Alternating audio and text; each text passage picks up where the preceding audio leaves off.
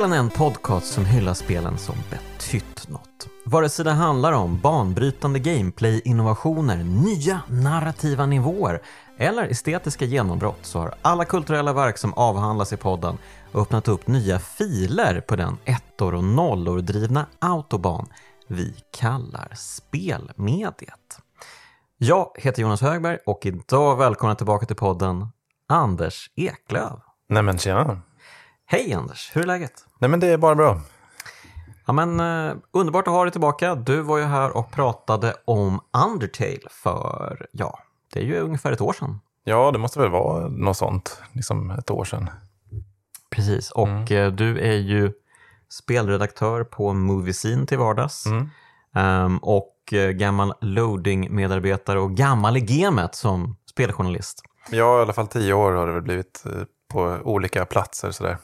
Yes. Och eh, nu är du tillbaka här för att Mm. prata om, är det ditt favoritspel? Det är väl det. Det har väl egentligen, eh, när, när, den, frågan, förlåt, när den frågan har liksom dykt upp genom åren så har det väl alltid återkommit till att ja, men, Final Fantasy 9 är nog mitt eh, favoritspel. Så. Det, det återkommer alltid som svar och det är ständigt det som liksom sitter i huvudet som the number one. Mm. Eh, ja, men eh, det, det blir ju lätt så när man spelar något eh, under sin liksom, barndom, ungdom och liksom, eh, ens eh, uppväxtperiod. Eh, de liksom, spelen man spelar då blir, betyder ju så mycket mer än Mm. spelen man spelar sen. Och det tror jag gäller för de flesta egentligen. Att vi fortfarande ser på dem med rosenskimrande ögon. Ja, det är väl lite så med den här podden, att mycket spel åt, är väl så gamla spel, men ändå tycker jag många lyckas lycka, lyfta fram varför de ändå har en plats här och det hoppas jag väl att jag ska kunna göra också. Jo men så är det ju. Och eh, jag nämner det här då för att eh, jag kanske kommer plocka fram motorsågen här. Nej, jag skojar bara. jag skojar bara. Eh, vi ska prata om Final Fantasy 9 då. Mm. Och eh, det här är ju, eh, ja men precis, ett av de eh, största spelen till Playstation. Kom ju hela tre stycken Final Fantasy-spel eh, under den perioden. Ehm, och det här, eller ja, största kanske fel att säga, för det här var ju det spelet som sålde minst av de tre Final Fantasy-spelen. Ja, det har ju ham- hamnat ganska mycket i skymundan, eh, i alla fall förut. eh, Framförallt under Final Fantasy 7 då, som har, är den här stora giganten som tog över rollspelsvärlden liksom i väst sådär, efter att de, det kom och introducerade serien i mångt och mycket till många. Eh, och det var ju just att det släpptes ju väldigt sent också. Ehm, det kom ju på det kom ju på Playstation 1 det där. Jag tror väl att åtminstone så var ju Playstation 2 väldigt, väldigt nära att släppas. Och 10 var ju redan utannonserat vad jag vet. Mm. Så att många brydde sig väl inte ens om det här för att ja, det är fortfarande ett sånt här gammalt Playstation 1-spel och det, ser, det är liksom chibi-aktiga smågubbar istället för de här realistiska från åttan och det är inte det här lite cyberpunk-aktiga från sjuan längre och Mm. tian ser ju mycket fräsigare ut med sina HD-grafik säger jag liksom inom situationstecken sådär. Mm. Men eh, så Jo. ja, det, det blev ju aldrig riktigt det här stora spelet som de, Squaresoft som de hette då, hoppades på.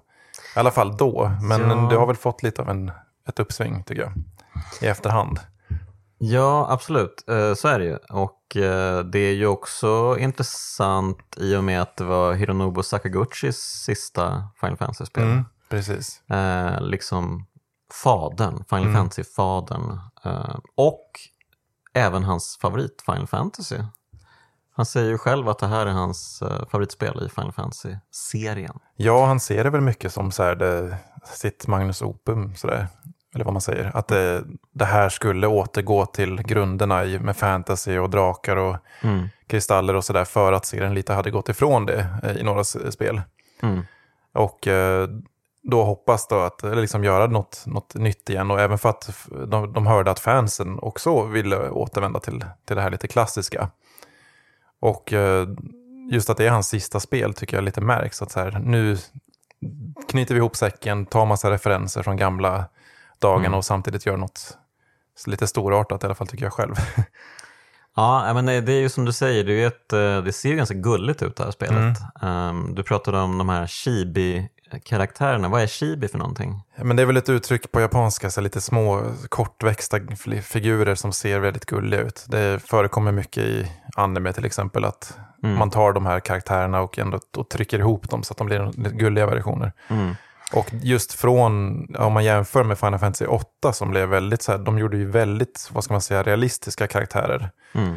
Som är, ja men sjuan hade ju ganska simpel grafik men åttan kom där och hade lite bättre och karaktärerna blev, ser väldigt, vad ska man säga, lång, realistisk längd och realistiska proportioner. Medan i nian ser de ju lite mer, ja in, inte verklighetstrogna ut men Mm. lite mer Mm. cartooniga skulle jag säga. Jo, men absolut. De eh, ser ju verkligen eh, lustiga ut. Ehm, och eh, jag har ju bara spelat, eller när jag spelade det här första gången så spelade jag ju bara fram till slutet på första skivan och sen insåg jag att jag inte hade andra skivan. Mhm. Eh, tredje och fjärde skivan fanns men den andra var liksom borta. Mhm. Jag hade ju lånat den här av någon som eh, ja, hade förvanskat eh, den andra skivan. Så att eh, när jag insåg detta blev jag mycket eh, bestört. Mm. Eh, försökte hitta andra skivan på, ehm, jag tror inte Tradera fanns då, men det var liksom, jag liksom försökte hitta Ja. på spelsidor och sådär. Liksom.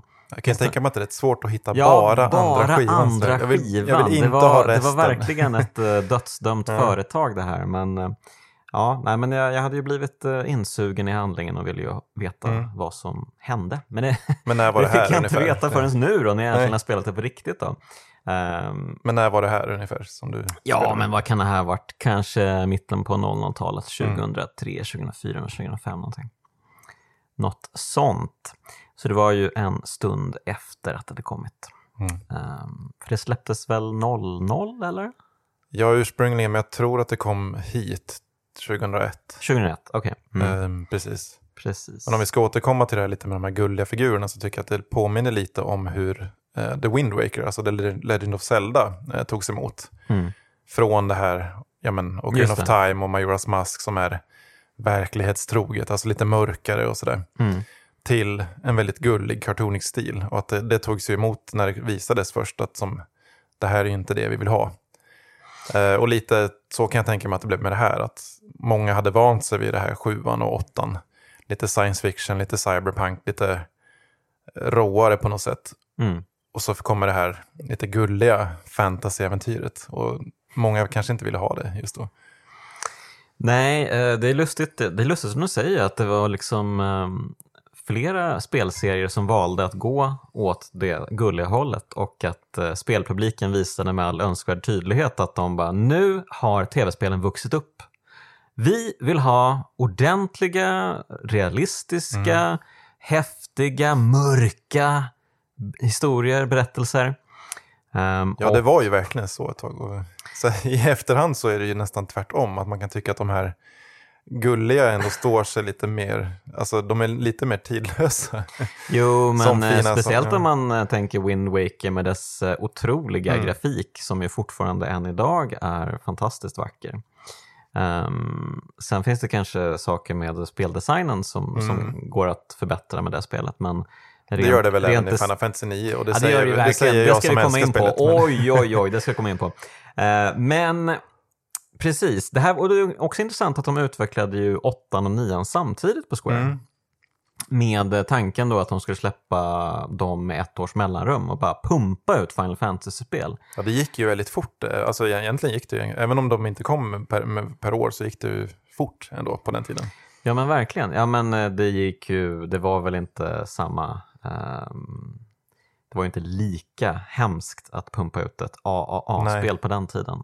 Det Ehm, utvecklades på Squaresoft Studio i Hawaii om jag inte miss... Precis, min- mig. Hawaii där numera Hironobu Sakaguchi bor. Mm. Eh, han verkar vara en stor surfare. Ja. Eh, oklart detta, men eh, härligt för honom såklart. Ehm, men kanske lite mindre härligt då att eh, han eh, liksom lösgjordes kanske från Final Fantasy. Man vet ju inte exakt vad det var som hände där, Nej. varför han liksom hoppade av Square sen. Men det var väl många som har liksom spekulerat i att ja, men eh, nu kommer den nya generationen att ta över här helt enkelt. Han har liksom inte kontroll över sin egen skapelse längre. Mm. Um, så därför väljer han att hoppa av.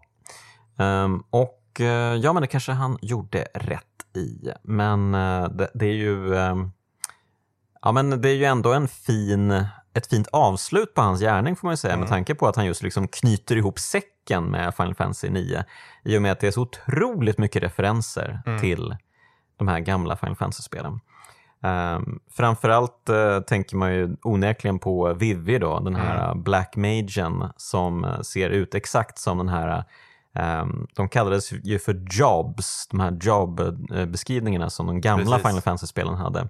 Att det fanns White Mage, Black Mage, Thief och uh, Warrior och allt sånt där. Mm. Ja, de, de fyra första karaktärerna man har är ju en tjuv, mm. en Black Mage, en en white mage och en knight eller vad man ska kalla det. Ja, en, exakt, en warrior. Exakt. Eller så. Ja, och, då, och, det är precis vad man kan välja i ettan tror jag, som så här, de första standardkaraktärerna. Mm, precis, um, så att uh, ja, det är väldigt kul. Um, och det är ju liksom inte uttalat de andra liksom yrkena. Det är ju bara det att de pratar mycket om att Vivi är en black mage såklart. Mm. Um, ser ju onekligen väldigt speciell ut mm. med sin uh, liksom märkliga trollkarlshatt eh, det här svarta mörkret mm. i ansiktet och bara de här två små eh, pli, pliriga ögonen som liksom lyser där. Så det är ju onekligen en, en fantastisk syn. Mm. Och du har ju faktiskt med dig här um, Vivi som actionfigur. Ja, precis. Väldigt gulligt. Mm. Um, så det, det, säger ju en hel del om hur mycket det här spelet betyder för dig. Men vi kanske ska börja där också med din liksom, introduktion till det här spelet. Hur började din kärlek till Final Fantasy 9? Ja, men så här, jag, min första spelkonsol egentligen som inte var en bärbar grej. Jag hade, jag hade Gameboy innan, hade spelat Pokémon Röd som också betyder väldigt mycket för mig. Ehm, men jag fick Playstation ganska sent. Jag tror jag fick den så här, 2000 när PS2 var på väg att komma. Och det fanns väldigt mycket spel och sådär. Och eh, innan jag spelade det här så hade jag väl mest spelat så här Spyro the Dragon, Crash Bandicoot, Croc, Croc och liksom sådana spel. Lite mer så här barnvänliga spel eller vad man ska säga. Mm. Och sen köpte jag ett eh, nummer av Playstation-magasinet i någon kiosk sådär. Okay. Mm. Och då fanns det en förhandstitt på Final Fantasy 9. Och jag hade väl spelat sjuan tror jag hos någon kompis eh, för några år sedan liksom, och sett, sett några, någon timme sådär. Men inte att jag hade någon jättestor relation till det. Men när jag såg det här i liksom tidningen så jag blev, jag blev helt, vad ska man säga, häpen. Att så här, kan ett spel se ut så här? Alltså det var ju bara stillbilder, ganska dåligt. Ofta som det var på den tiden, ganska så här lågupplösta bilder. Men det såg verkligen magiskt ut. Alltså, det var beskrivningen av spelet och alla bilder. Jag var så här, hur... Jag visste inte att spel kunde vara så här. Lite så här nya narrativa nivåer som ja, ja, låstes precis. upp inom mig när jag Just bara det. såg det här spelet. Så då, då tror jag att jag så här, för du vet, bokade det eller beställde det med en talong som satt i tidningen som de gjorde på den tiden. Ooh, okay. Som man eh, skickade in liksom från någon Härligt. spelbutik som hade gjort en annons i, hur, i tidningen. Hur gammal var du? Jag var väl 11-12 eh, någonting. Okay. Mm, mm. Mm. Och eh, fick hem det och det var, det var väldigt magiskt att spela. Mm. Och var något helt annat än vad jag var van vid, verkligen. Så det här var, din, var det ditt första rollspel överhuvudtaget? Ja, om man inte räknar så här Pokémon då. Men ah, ah. annars var det väl första rollspelet. Mm, mm. Okej. Okay. Men, eh, och, och du eh, föll som en fura då för den här världen? Ja, verkligen. Och jag spelade också mycket med några kompisar som jag bodde granne med. Så det är också en så här mycket minnen att vi satt liksom i antingen mitt rum eller någon annan. Jag tog med mig mitt Playstation till kompisen och vi körde igenom något parti och sådär. Mycket minnen handlar ju också om hur fruktansvärt dålig man var på det här spelet och hur dåligt man hängde med i berättelsen. Mm. Även om man så här, söks in i hela världen och sånt så hängde man absolut inte med i alla nyanser och sånt där vad som hände. Och så mycket, man förstod inte alltid ja, men systemen, hur det funkar. Man blev aldrig särskilt, karaktärerna blev aldrig särskilt bra levlade så att bossarna blev svinsvåra. Bossar som jag har liksom ihjäl hur lätt som helst nu utan att egentligen levla särskilt mycket när jag spelar mm. spelet mm. idag.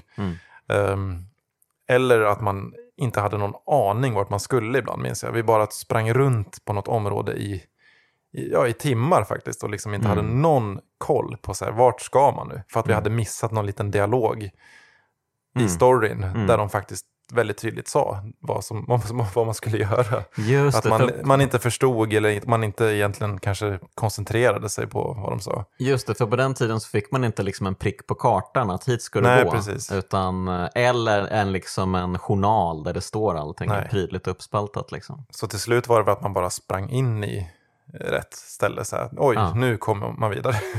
Det, är ju, det är ju en magisk form av upptäcks, Mm. upptäcktsresande. ehm, den, när man inte har eh, liksom hjälp från spelet att upptäcka världen. Samtidigt så lämpar det sig kanske inte för dagens samhälle. Ehm, och dagens kids kanske. Ehm, men eh, på vår tid så var det ju liksom Ja men det var ju en magisk upplevelse. Jag minns ju själv eh, liknande upplevelser med andra spel Mm. eh, när man verkligen eh, nötte de spelen till, ja det kunde ju bli helt vansinnigt verkligen. Man kunde spela så otroligt mycket. Av liksom skitspel, jag minns det var något Merlin-spel som kom till Super Nintendo till exempel. Som jag spelade så otroligt mycket. Ehm, och som jag aldrig liksom kom särskilt långt i. Men ändå spelade jag så otroligt mycket av det spelet. Ehm, och eh, ja, man var väl lite pantad helt enkelt. Ja. Men, men Nej, men vi kunde ju sitta fast i bossar också i- om och om igen. Så försökte man nöta på de här. För Ja. att man fattade inte att så här, man måste grinda för att, för att eh, klara dem och sådär ibland. Mm. Och, eller ens förstod ja, men, strategin för att klara bossarna till exempel. mm, mm. och sen när man väl klarade dem så blev det ju hurra- hurrarop liksom i, i barnrummet. Sådär. eller pojkrummet eller vad man ska kalla det. Det, det kan man lugnt sagt säga. Ehm, ja, men, men eh, och jag antar att du klarade det till slut, även som liten. Ja, det blev ju att vi tog oss igenom det på något märkligt sätt och kom till slutet. Men Mm. då är det också en så här knäpp anekdot från den tiden att vi var i slutet men vi kände väl så att det går inte att ta sig igenom de här sista delarna. Med, med, på grund av hur dåliga våra gubbar är. Liksom. Det, det går inte. Ah, Okej. Nej, men vi, start, vi startade om spelet, det blev kul att spela. och vi råkar spara över den här ursprungliga filen som var liksom på 80 timmar som egentligen är långt över vad jag tycker att man klarar det här spelet på Ja, jo absolut. idag. Ehm, och då blev det så här att vi liksom, man såg att man råkade spara över. Det kom en liten sån mätare så Nä. nu när det håller på att sparas. och man såg det här och man, jag tror vi skrek till varandra, så här, försökte skrika att liksom. Abort, tryck på abort. Men någon, jag minns inte, det var jag eller någon annan som skrev, skrek "Ty- kryss, kryss, kryss. Och ho- jag hoppade fram till spelkonsolen och försökte trycka på eh, powerknappen. Ah, Men det var för sent. Nej. Men sen blev det ju en kul omspelning igen och då förstod man väl lite saker mer igen Mm. och då, till slut klarade man väl det. Och Allting dess- gick lite ja, smidigare helt Precis. Ja, okej.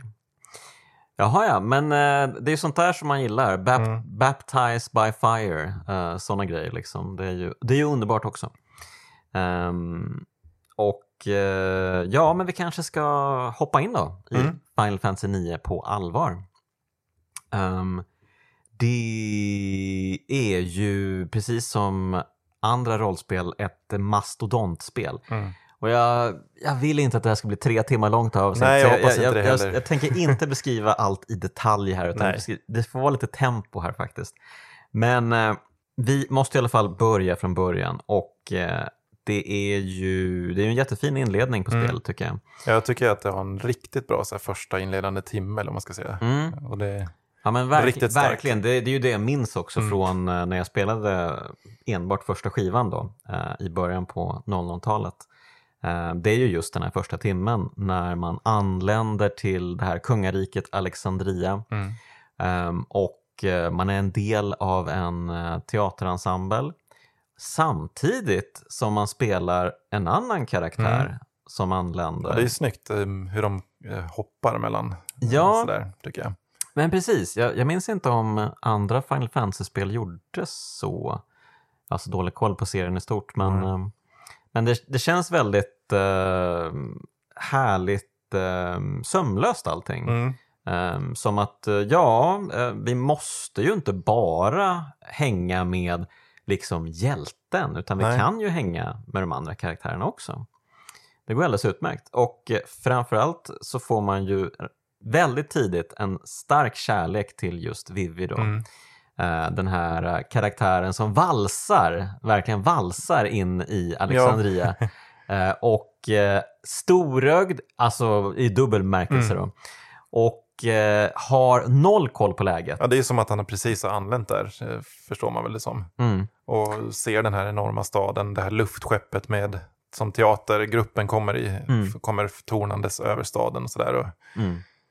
Han ja, klumpar runt i den här staden. Och Klumpar försö- ord. försöker, Han klumpar verkligen. Ja, och det, man för, det han försöker göra är att hitta biljetter till den här eh, teatern för att han har hört att det ska vara något att se. Mm. Mm.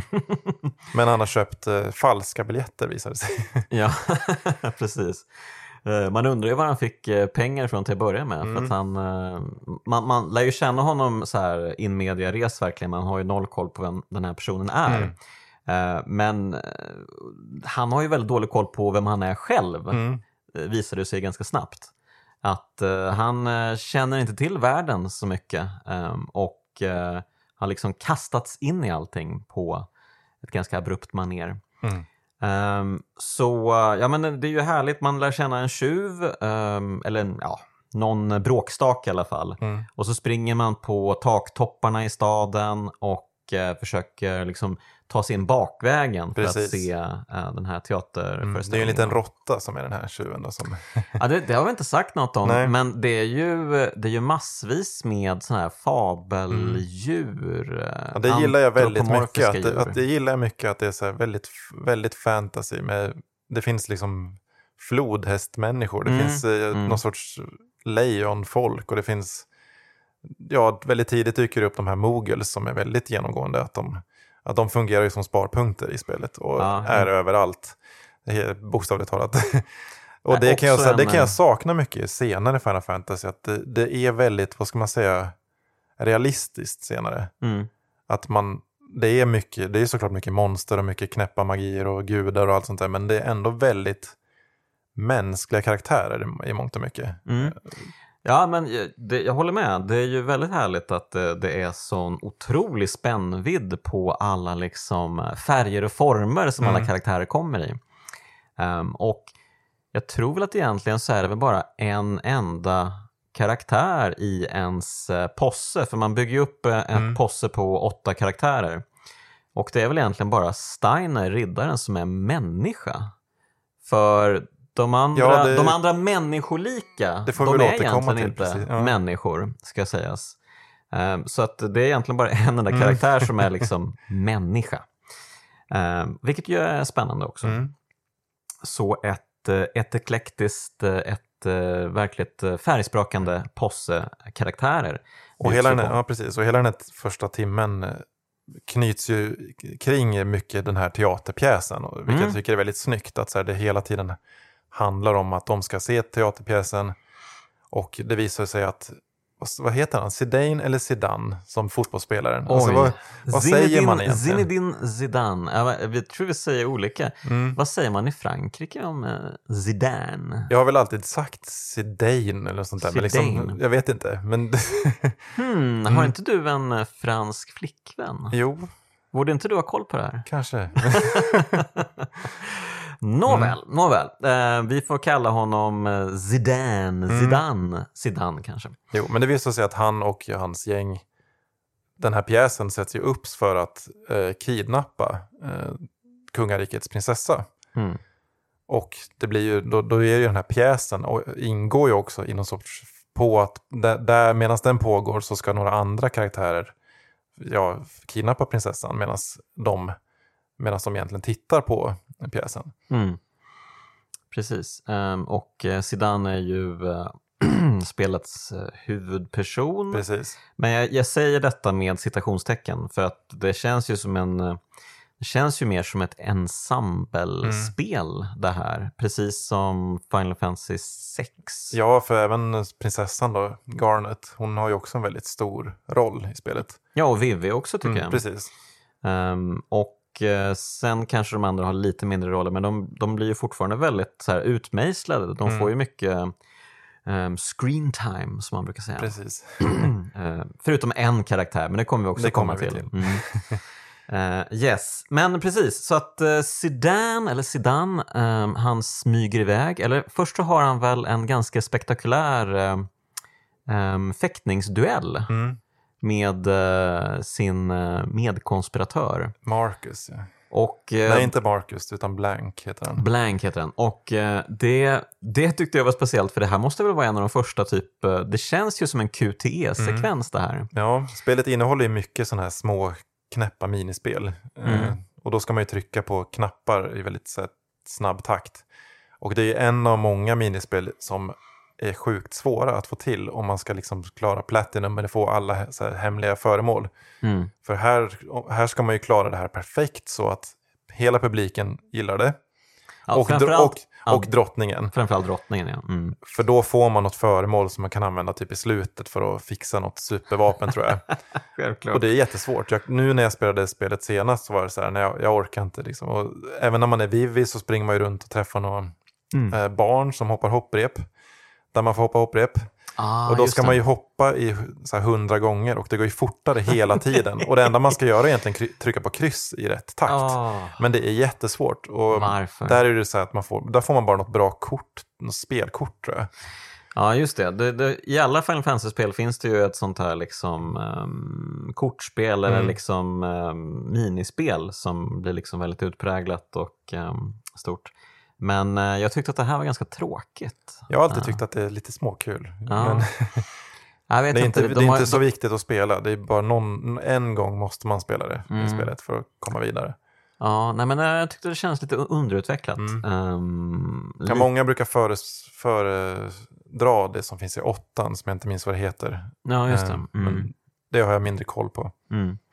Men, eh, men skit i kortspelet, Mm. vi återgår till handlingen. Ehm, I teaterpjäsen? Nej, Mm. den behöver man inte känna till.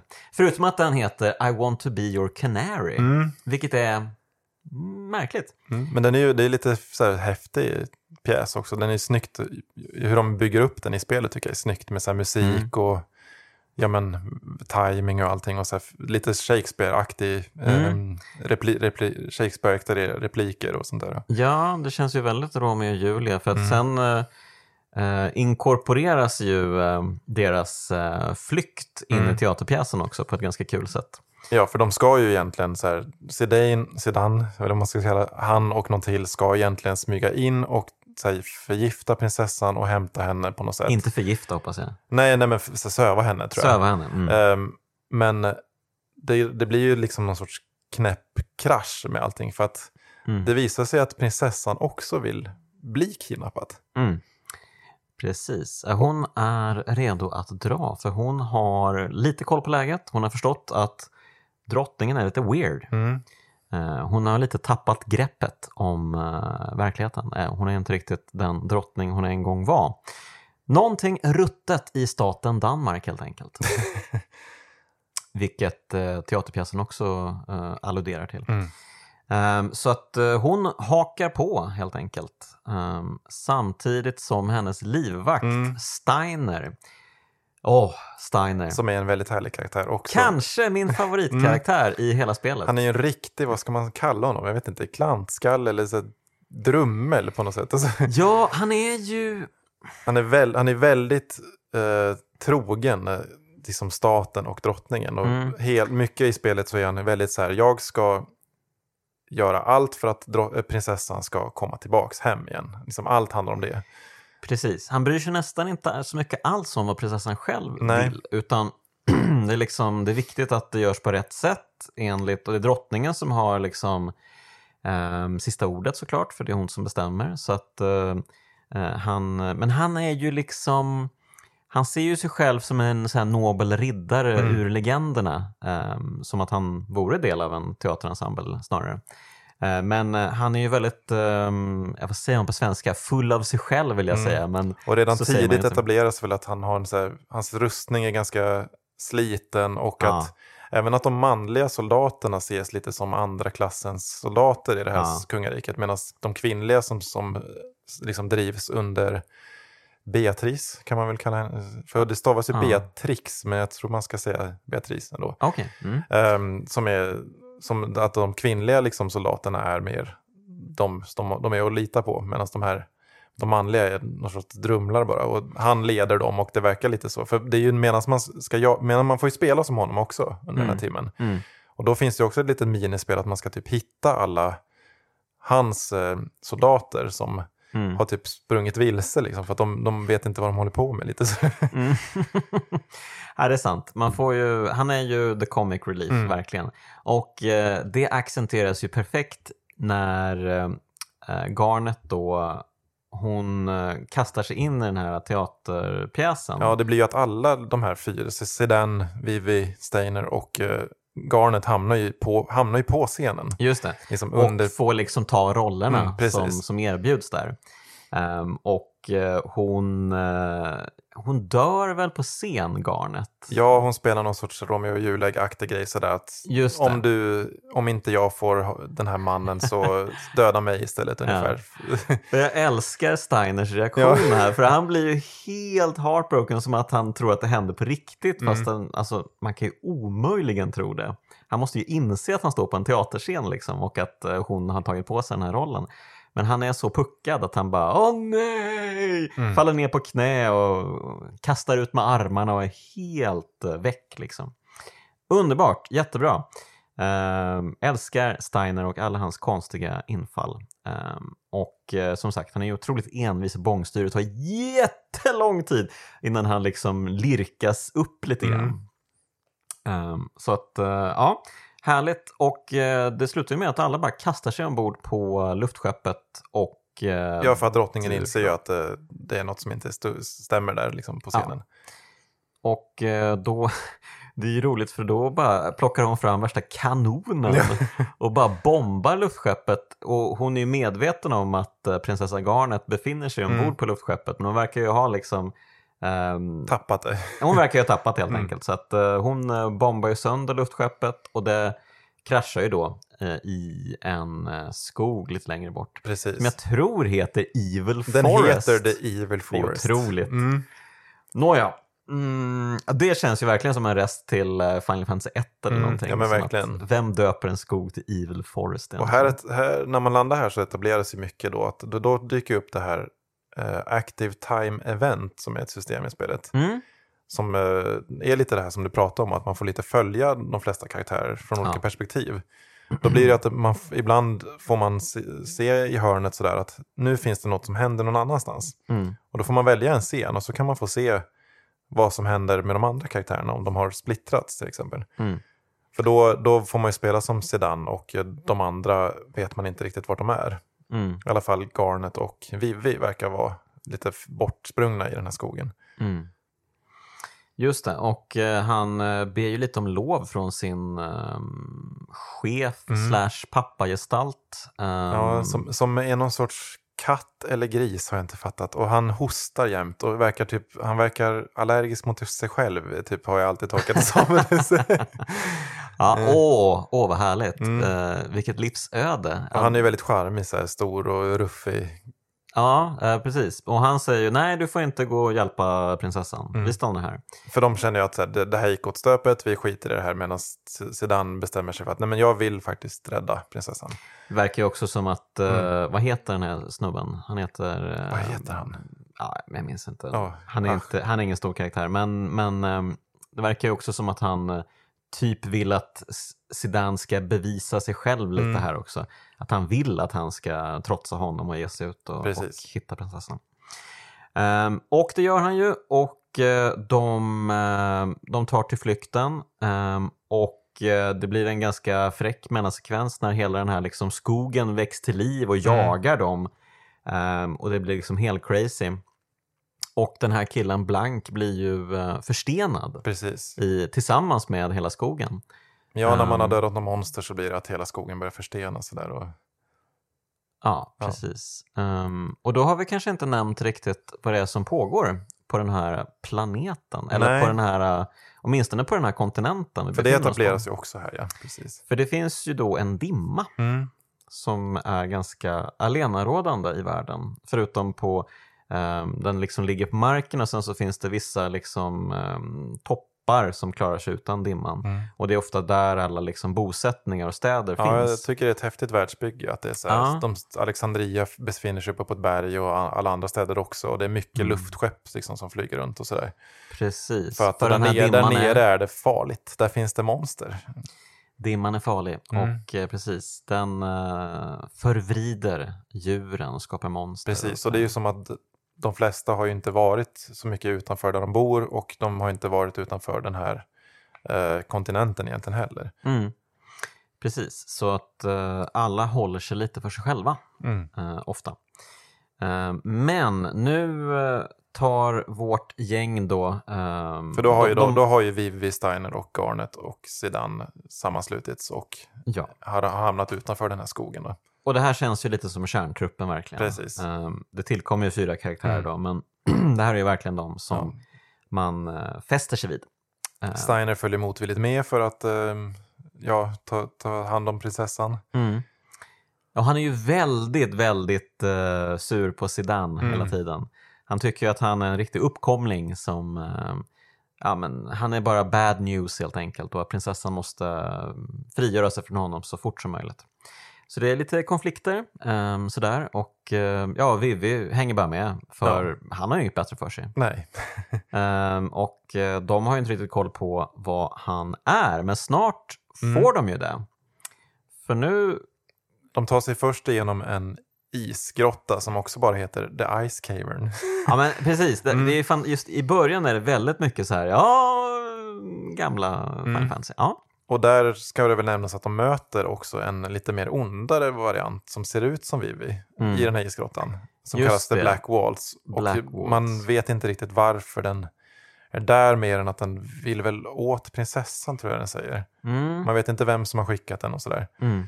Och sen kommer de till en liten mysisby som heter Dali. Mm. Just det, och eh, Vivi blir kidnappad. Ja, alla verkar tycka först att så här, vem, det här är lite märkligt, vad, den här figuren, vad gör han här? Mm. Och han blir kidnappad.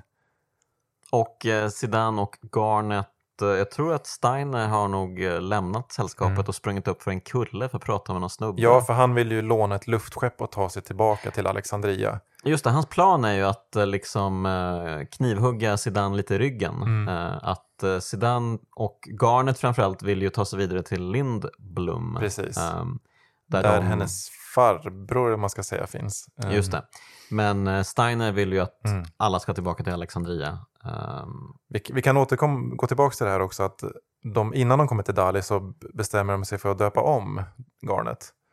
ja, ja, just det. För Mm. att eh, ingen ska liksom känna igen hennes eh, namn och sådär och att hon är en prinsessa. Mm. Och då är det lite roligt för de, i de här spelen får man ju välja vad de ska heta. Just det. Mm. Och det är väldigt kontextmässigt vad hon döps till. För att de, S- Zidane tappar sin kniv Mm. eh, och hon plockar upp den och, och så här, okej vad, vad är det här för något? Vad kallas det här? "Ja, En, Mm. en dagger. Mm. Och då, då väljer hon att kalla sig Dagger. Mm. Men man får ju välja vad hon heter så då, det kan ju bli väldigt så märkligt att hon typ frågar vad det är för något och man väljer att döpa henne till Garnet eller något helt annat. Ja, men det där har jag alltid undrat Mm. lite över. att man fick eh, döpa karaktärer back in the day. Alltså som, ehm, som inte var en själv bara, utan alla möjliga Precis. karaktärer. Um, jag förstod aldrig riktigt vad det syftade till när jag var liten. Nej, så jag har här, väl alltid ja, föredragit att låta dem heta det Nej, men de precis, heter. man vill, man vill ju att de ska heta det de ska heta. Mm. Eh, men att komma här och bara, ja men jag döper den här till raggmunk liksom. Det är ju bara konstigt. Ehm, Mm. Och eh, ja, äh, jag hade väl noll humor antar jag. Men jag Nej. kände bara att eh, så här ska det inte vara. Nej. Så här ska det inte gå till. Viktigt! Nej. Men om vi återkommer till Dali där så då visar det sig att eh, by- byborna där har ju börjat producera vad man ser Mm. varelser som ser ut som Vivi. Alltså de, det är dockor som hänger i taket som på löpande band. Mm. Och alla blir för, för, väldigt så fruktansvärt rädda och även Vivi börjar undra vad sjutton... Han börjar ju undra lite vem han är och sådär. Mm. Precis, så eh, det finns ju massvis med Black Mages. Men Mm. eh, de är ju då lite större. De är Precis. ju vanlig eh, eh, vuxen storlek. Medan Vivi är mer som ett barn. Lite Lite andra kläder har han också. Ja, just det. Eh, det framgår väl senare, tror jag, att Vivi var liksom um, ur eh, prototypen. Ja, lite misslyckat. För att eh, de här, det visar sig att de är beställda av eh, Alexandria och drottningen som soldater. Mm. Lite som billig arbetskraft, lite klon, kloner sådär. Ja, det är Attack of the Clones Ja, men det är lite i så, Final fak- fantasy ja, det är lite så faktiskt. Mm. Final Fantasy brukar ju jämföras med Star Wars eh, i, i mångt och mycket. Mm. När kom Mm. Attack of the Clones egentligen? Den kom Mm. 2002 tror jag. Oj! Mm. Mm. Coincidence? Mm. ja, eh, precis. Så att eh, det här är ju eh, läbbigt. Så då bestämmer sig Garnet för att nej, men nu måste vi tillbaka till Al- Alexandria för att sätta stopp eh, för det här. Så att hon eh, tvärvänder och Steiner blir jätteglad. Ehm, och de ehm, hoppar på ett luftskepp som Mm. styrs av Black Mages. Ja, och innan dess har de också mött en till sån här Black Waltz som försöker döda dem och ta tillbaka Mm. eh, drottning, eller prinsessan. Ja. Och det är ju också, det är en av de här första bossarna om man ska prata om det här hur jag var när jag var liten. Att det Ja. var helt omöjligt att besegra den här. Jaha, den första? Black Ja. Eller den andra? den Black andra, det 2. var, vi, hade, vi hade supersvårt med den. Jaha, okej. Men eh, nu tycker jag den är hur lätt som helst. Ja, men självklart. Mm. Ehm, det finns ju bossar som är svåra, tycker jag. Ja. Men, men de, det, det kommer senare. Ja, mycket Ehm, senare. Men de åker ju iväg då och, som, och då styrs de av sådana här Black Mages. Precis. Ja, Det precis. skeppet. Och eh, det dyker upp ännu en Black Waltz. Ja. Black Waltz. Det är roligt att de heter Black Waltz 1, 2 Mm. och 3. Mm, Eh, för att liksom distingera, ah, de blir bättre och bättre. mm. Så den Och det här... visar ju sig där ju också att de är också skickade på något sätt av eh, drottningen att ha ihjäl de andra och hämta eh, prinsessan. Det är också viktigt att poängtera att alla de här Black Mages, de har ju de här stora eh, trollkarlshattarna som slokar eh, och de här liksom säckiga kläderna. Mm. Men Black Walls, de har ju vingar också, så de kan Ja. ju flyga. De är Ehm, större och ser mycket mer skräckinjagande ut. Och en waltz är en vals. Mm. Uh, undrar varför de heter Black Waltz Ja, egentligen. något måste väl ha att göra med så hur mycket musik betyder i Final Fantasy kan jag tänka mig. Något Ja, sånt. apropå musik. Mm. ehm, det är ju fantastisk musik i det här spelet. Ja, och det är ju lite samma där, att det är väl egentligen sista gången som Nobuo Uematsu, eller hur man uttalar hans namn, Uematsu, Mm. eh, han verkligen gjorde hela musiken. För att sen är det väl inte så mycket han längre i Final Fantasy. Precis, han gör väl en eller två låtar. ehm, Precis. Och även han, vad jag förstått, har sagt att det är liksom det, det spelet han är mest stolt över Mm. eh, musikmässigt. Ja, men jag förstår varför. Mm. För att eh, det är bangers efter bangers i det här spelet. Och eh, Och mycket så genomgående återkommande låt, alltså vad heter motivs liksom som Mm. återkommer så på Mm. ett snyggt sätt tycker jag också. Ja, och eh, framför allt de här sentimentala Mm. låtarna. Alltså de är så jävla bra. Um, otroligt bra. Till och med de här liksom komedilåtarna Mm. tycker jag är väldigt roliga. Ehm, så att eh, genomgående klockrent uh, soundtrack verkligen. Ehm, men, ja, men det blir i alla fall en stor fight. De susar igenom en port. Mm, I Lindblom då, som är här, en port till Lindblom. Mm. Eh, För att Lindblom är en stad som verkligen lever kring luftskepp. Alltså det, Ja. det är som en stor hamn nästan. Man kan väl säga att alla luftskepp eh, hör hemma i Lindblom för att det är Precis. väl där Mycket om där de tillverkas och sådär. Och, Ja, och det verkar liksom gå i arv Mm. från alla kungar i Lindblom. Att det är de som är liksom äh, mästerarkitekterna Mm. som skapar alla luftskepp. Men de tar ju sig igenom där. De blir jagade av den här eh, Black Waltz 3. Mm. eh, som har tagit några luftskepp. Han kraschar och de kommer in liksom. Och de blir ju ganska välkomnade av den här kungen. Ganska snabbt visar det sig. Sid. Kungen heter alltså Sid och det är som Ja, alla en Final Fantasy-fans vet så dyker det alltid upp en Mm. karaktär som heter Sid i Final Fantasy-spel. Ehm, och det här är väl en ganska mm, direkt hänvisning till Sid från Final Fantasy 4 väl? Ja, ja men verkligen. Ehm, han har väl till och med, eh, det är någonting med efternamnet också, Fabul som har Mm. med fyran att göra också de, de brukar ju också alltid ha något att göra med luftskepp. Sådär. Ja men precis, han brukar ju alltid vara en luftskeppsförare, Sid. Och här Men, eh, är han ju en luftskeppstillverkare till och med. Precis, och som sagt så visar det sig att Garnet har ju en relation till den här kungen.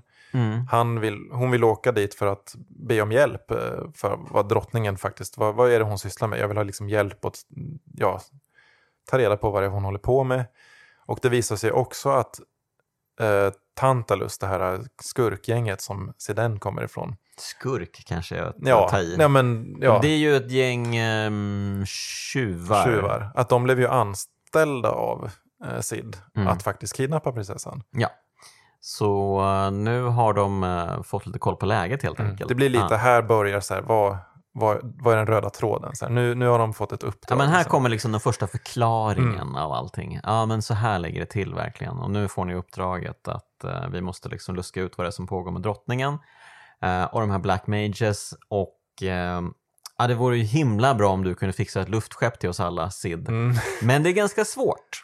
För han är inte sig själv. Nej, han har förvandlats till en liten insekt. En uh, oglop heter de i spelet. Ja, precis. Så det är, han, han, eh, det är som en liten skalbagge med en stor mustasch och en eh, mantel som, i spelet. Liksom.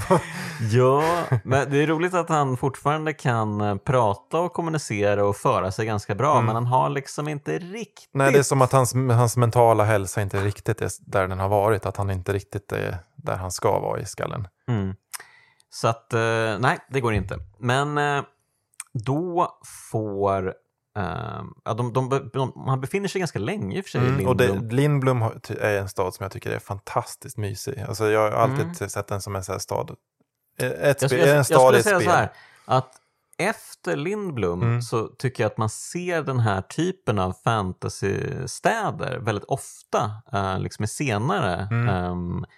Ehm, JRPG-spel. Ja, det verkar återfinnas. Ja, men eh, jag tycker den är otroligt väldigt ofta. mysig. Det är en sån stad som jag, om man skulle vilja besöka en stad i ett spel så är det den. Jag tycker det, det är Mm. väldigt mysig musik, det är väldigt fin arkitektur, just det här mm. luftskeppsmässiga.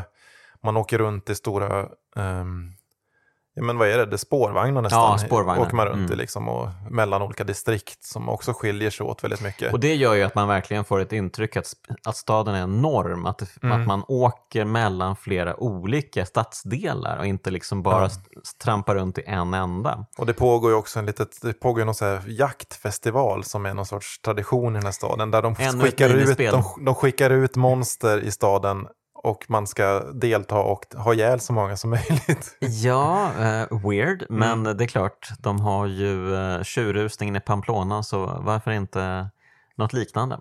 Ehm, men eh, precis, så att eh, man, man springer runt och eh, dödar monster tillsammans med en ny karaktär som Mm, som upp. introduceras, ja. Sedan eh, går runt i staden och träffar den här karaktären i en bar. Mm. Och det är Freja. Ja, Och hon är ju någon sorts rått... Hon är, hon är ju någon råtta hon också Ja. kan man säga. ja.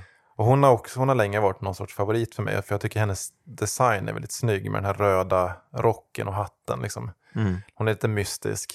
Mm. Eh, det visar sig att de känner varandra sedan tidigare och sådär. Och Precis, har, hade de inte haft en fling också? Det, det är lite det. otydligt om Ja. de har haft det eller inte. Men Ja. ja. de känner i alla fall varandra. Ja, hon är lite lack eh, på honom verkar Mm. det som, men inte så jättemycket. Nej. Ehm, bara, han... Och hon deltar i den här festivalen då. Mm. Just det. Ehm, och när jag spelade så tror jag att hon vann faktiskt. Ja, det är jag... lite också, också där minispelsaktigt att man, där får man lite försöka styra vem som ska vinna. För man får, Ah. man får ju olika belöningar Mm. eh, som kan betyda rätt mycket. Ja, Okej, okej. Ehm, ja, precis. Och, men eh, sen då så får eh, prinsessan för sig att uh, ja, men jag måste tillbaka till Alexandria. Mm. Och eh, jag kan ju självklart övertyga drottningen att det hon håller på med är fruktansvärt. För jag är ju hennes dotter och hon älskar ju mig. Så att, eh, men Sid vill inte släppa iväg henne så istället så väljer hon att eh, ja, men, eh, sätta sömnmedel Ja. i en stor uh, lyxbuffé som de ska njuta av. Så att hon och Steiner är det väl drar iväg. Ja, hon bestämmer väl att ta med honom faktiskt. Tror Mm. jag. Jo, för han är ju ganska ensidig att Mm. eh, det här är ju toppen. Det här är det bästa som har hänt honom. Oj, Garnet vill tillbaka till Alexandria. Herregud! Körerna ropar Mm. från himlen. Och det det samtidigt så kommer det ju i, den här, i tronrummet där med Sid och sådär så kommer det in en råtta till som eh, kommer sårad in i liksom den här tronrummet Mm. Och berättar att eh, ja, men Frejas kungarike, all, vad heter det nu då? Eh, ja, Burmetia, Burmetia, precis. att det har invaderats. Mm. och det här är också så här snyggt hur spelet som du säger, säger att det, det är inte alltid att man följer huvudpersonen som sagt, utan det, Mm. det blir lite avstickare. För här delas ju spelet upp ett tag Mm. i faktiskt två parallella historier. Mm. Då blir det ju att sedan eh, Freja och eh, Vivi, tror jag, ger sig av Mm. och eh, ska kolla läget där. Mm. Medan då Da- Dagger och Steiner är tillbaka på den här vägen till Alexandria. Precis, och det är inte så mycket liksom strider och sånt när man följer Dagger och Steiner utan det är lite smyg. Man ska ta sig in i någon eh, spårvagn som åker upp till en eh, platå där man ska ta ett luftskepp tillbaka Precis. till Alexandria. Ehm, så det är mycket om att man går runt och uh, reminissar Mm. om saker och eh, hon eh, tänker mycket på sin roll som prinsessa och sådär. Ja, och försöker- också mycket så här hur, ja, men hur Zidane har påverkat henne. För hon, Ja, just det. Ja, för Ja, men det är eh, viktigt ja. Mm, Mm. För att eh, de, eh, när de var där i Dali så handlar det mycket om att de försöker, så här, hon ska vara lite mer alldaglig och inte vara den här prinsesstypen för att hon ska passa in Mm. och inte avslöja att hon är prinsessa. Mm. Och hon börjar ju fundera mycket kring det här, ja, men, var det bra eller dåligt, liksom, all, allt det där. Och, Just det, han, vad han lär ju henne för- också att ja. vara lite mer avslappnad i... och vad betyder sedan för mig och sådär. Och, Just det. Eh, ja, nu, nu kom Vi missade en grej i Lindblom minns, också. Mm. Nu minns jag en grej i, i Dali. vi, ja, En, eh, en scen som eh, följde mig länge. Det är när de ska klättra upp i luftskeppet. mm. Jag tyckte det var ovanligt cheeky för att vara ett Final Mm. Fantasy-spel med de här typen av gulliga karaktärer. Men hon klättrar ju upp eh, först och eh, han ska liksom putta upp henne för stegen och eh, tar henne på baken. och säger att den är mjuk. Och, ja. Bara, ooh, soft! Ehm, och eh, det kändes liksom, o- o- okej, ehm, aha, wow, okej, han, han, eh, han, ha- han är en sexuell varelse. Mm. Det är bara wow, okej. För vi, vi kan ju återgå till i Lindblom så är det ju en liten fin scen där de eh, har någon sorts liten små romans där för att han, han vill han vill ta henne på en dejt berättar han väl Mm. till och med. Och jo, man får alltså, höra han den. blir ju kär i henne direkt. Ja, precis. Det, det får man ju veta ganska tidigt. Och hon sjunger också en sång som har en ganska viktig liksom, betydelse i spelet sen. Mm, just det. Eh, Det, det ska man inte glömma, tycker jag. Att det, Mm. Den här sången, som är väldigt fin, tycker jag. Mm. Ja, och man, man vet inte riktigt om hon eh, är på samma våglängd eh, som han då. Nej, För hon är ju så uppe i det här att hon har sitt uppdrag och att hon är den här upphöjda eh, prinsessan som måste liksom höja sig över massorna och, liksom, och ta ett stort ansvar och sådär. Och hon kan inte liksom eh, ta till sig sådana här liksom jordsliga, världsliga känslor och sånt. mm. Ehm, så att eh, det kommer ju pö om pö. ja. Men ja, jag tyckte det var bara var intressant att bara helt plötsligt hux flux så dyker upp en, en sån grej. Men, men och det, det var kanske de roligaste grejerna i det här Mm. spelet också för det kommer andra grejer som också är liknande så här uh, oj, det här var nästan chockerande som dyker upp senare i spelet. Men det kommer Ja. vi till. Eh, men ja, tillbaka till det du vill säga om Lindblom. Nej, men det var just det här med eh, att de har den här fina scenen på, Mm. tillsammans. Mm. Det var bara det. Eh, men vilken men sida nu- ska vi ta då? Freja, Frejas histo- historia eller Dagger? Ja, men alltså Dagger och ehm, Dagger och Steiner, eh, det händer ju inte så Nej, mycket de, i de deras kommer i kontakt med Tantalus eh, en del. Sådär. Ja, precis, för de dyker ju upp där uppe på stationen, Mm. eh, luftskeppsstationen. För det, det dyker ju upp att de, de försöker hitta något botemedel, att få, få bort den här försteningen från sin kamrat Blank.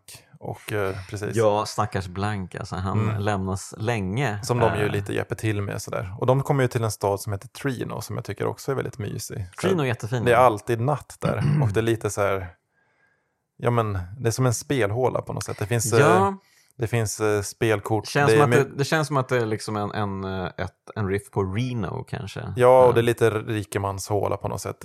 Man får Mm. lite se både baksidorna, att det finns mycket fattiga, men det finns också väldigt mycket rika. Det finns någon auktionssal, mm. eh, det finns många rika personer. Det finns någon karaktär som vill åt något så här samlarobjekt som också är en väldigt så här återkommande minispel, Mm. att man ska hitta de här eh, föremålen. Mm. Och det är en jättemysig stad tycker jag. Jättemysig stad och man lär ju känna Dr. Tott Mm. här som är Garnets gamla lärare. Ja, precis. Och eh, han är jättehärlig jag, jag vet knappt vad han ska föreställa vara för någonting. Han är väldigt kort och har en enorm näsa i alla fall. Kort och enorm näsa, kanske lite råttliknande också Mm. möjligtvis.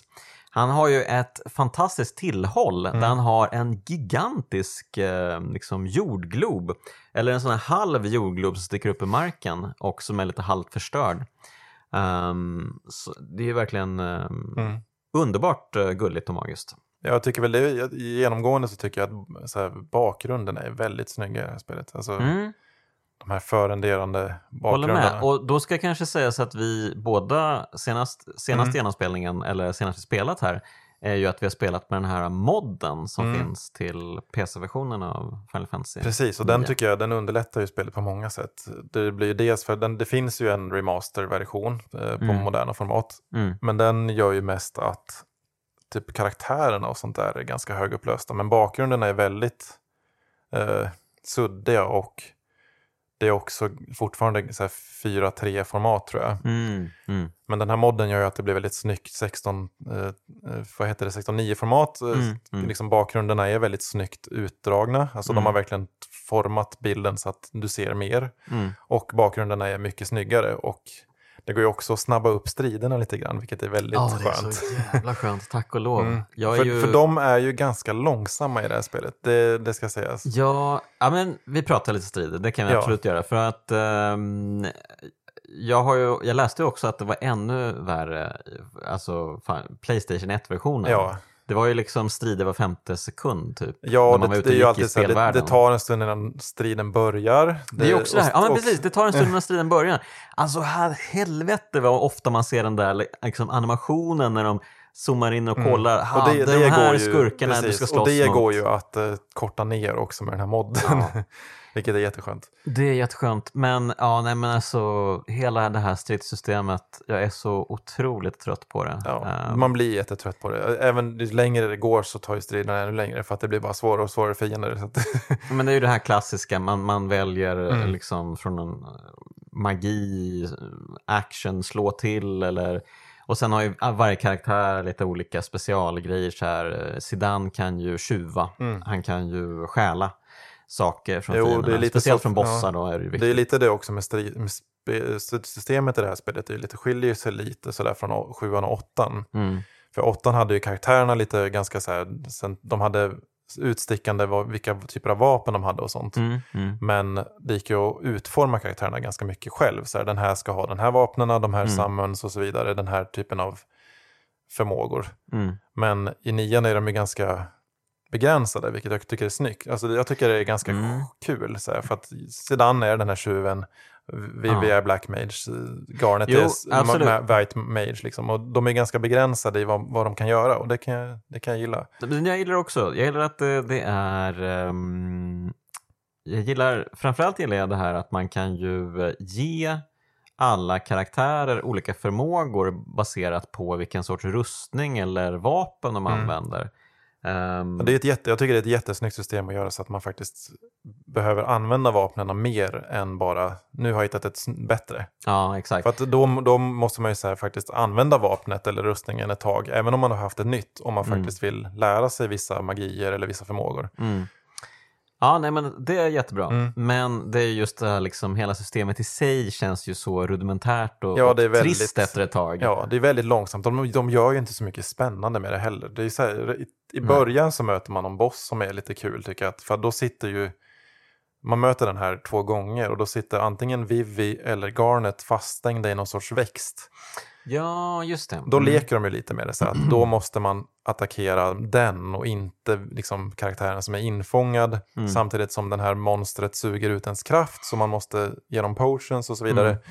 Men annars gör de inte så mycket kul med systemet. Så där. Det, Nej, det, det händer Precis. väl någon gång ibland att Alltså, man blir det- jagad av någon boss. det och dyker sådär, upp men, en, en karaktär nu Mm. ehm, hos det andra gänget, hos Sidan, Freja och uh, Vivi som heter Kun någonting? Que- Queen, ja, Queena. Queena. Ja, det, hon är en kun kanske, så var det kanske. Um, Queena. Och eh, det är en jättestor ehm, sak. Med en stor tunga. Jag vet Jag inte. vet inte hur man ska beskriva det. Ja, men precis. Den här eh, sakens syfte är ju att äta saker. Mm. Ja. Ehm, och den vill äta många olika saker för att på så sätt lära sig mer om världen. Mm. Eh, och om sin roll i världen kanske. Och den systemet att den har det här blue mage, så att den, kan, den ska äta upp fienderna så att Mm. man får förmågor. Och det är också ett jättetradigt Mm. att göra det, för att då ska, man så här, hit, då ska fienden ha en viss låg eh, HP Mm.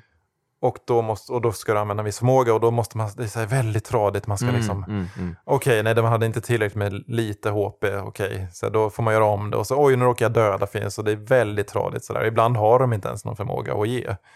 Nej, precis. Ja, nej, men det är jättemärkligt. Men eh, hon, har, hon hade i alla fall en förmåga som var jättebra. Det var den här att om hon har en HP så kan hon använda någon superförmåga och direkt döda fiender. Eh, vilket är så här, hur ofta lyckas man få en HP? För även när eh, karaktärer död, dör och man kör en Phoenix down på dem så återupplevas de oftast med så här 3, 4, Mm. 5 HP-poäng. Vilket gör att det är helt omöjligt att komma ner till en. Ja, Nåväl, nåväl. men vart avslutas Stagger och Steiners liksom story? Sådär? Ja, men alltså de, de, ehm, de, de samlas ju igen hela gänget. Men det gör de ju på... De ett- gör det efter ett bra tag faktiskt, just det. Precis, det tar ju väldigt lång tid nu när jag tänker efter. Precis, jag trodde att det tog, eh, att det gick Mm. ganska snabbt. Men det är ju För vi kan väl återkomma lång... till vad Sedan och de Ja, gör. men de, de eh, hittar ju den här uh, karaktären av Queena Ja, i i- något i träsk. Och, och, eh, eh, fine, du får hänga på. Det är verkligen in, inga krusiduller här. Hon- Också så här märkligt minispel att man ska styra den här Här och, och fånga grodor. Också jättetråkigt faktiskt. eh, Och ganska krångligt att faktiskt fånga de här grodorna. Ja. För det, det finns egentligen, jag vet inte om det finns något strategi för överhuvudtaget. Vi, vi pilar fram till eh, staden i Burmetia Mm. ehm, där Freja då, hon skyndar ju sig för att hinna tillbaka till Burmesia för Alexandria har ju anfallit Burmesia. Precis. Det är det som är grejen, det är därför de har så bråttom dit. Men de kommer ju för sent. De Ja. kommer ju Det är redan när gjort. allt redan är över egentligen. Och där möter de massa Black Mages och de här Zorn och Torn dyker ju upp lite här och var. Du, det är det kanske det Ja. enskilt, eh, den enskilt största what the fuck-grejen när jag läste på om det här spelet. Mm. Det var när jag av någon anledning läste på om Zorn and Thorn. De är ju två narrar som ser lite ut som, jag vet inte, Kefka från Final Fantasy Ja, 6 de fast det är en tråkigare pratar, design. de, och, de, pratar, de, de säger samma meningar fast med lite olika uppbyggnad. Eh, ja, men det är liksom eh, två personer som är nästan en person egentligen. Ja. Ehm, typ, eh, vad, heter det, um, tvillingar, siamesiska tvillingar nästan. Precis. som särats. Eh, men det var ju när jag insåg att de ha, faktiskt hade liksom en, en tidslinje på allt som händer i spelet. Och allt som hände innan då. De hade En Mm. tidslinje från typ 5000 år tillbaka i tiden. och jag bara, okej, intressant. Jag scrollade och så dyker det upp eh, Zorn och Thorn när de föds. Mm. Och de är 88 år gamla i spelet. Ja. Och jag bara, what?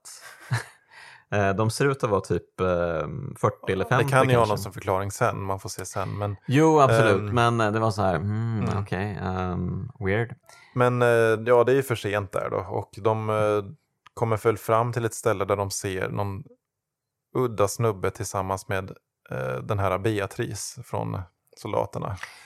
Ja, udda snubbe. mm. Nu får du eh, faktiskt eh, konkretisera den här udda snubbens klädstil här. Ja, det, det är ju Kuja då som är spelets eh, huvudantagonist kan man väl säga. Och han har väl så vitt hår och ja, stringtrosor kan man väl säga. Eh, ja, vi kan absolut Och någon säga sorts eh, vit märklig Särk. särk med slag. väldigt lite tyg egentligen. Ja, skandalöst Mm. klädd.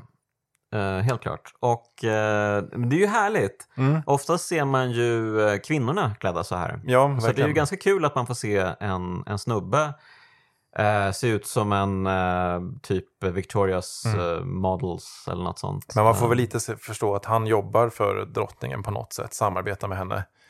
Ja, han är, han är en vapenleverantör. Precis. Tror jag. Ja, just det. Han har ju gjort de här soldaterna, Black Mages.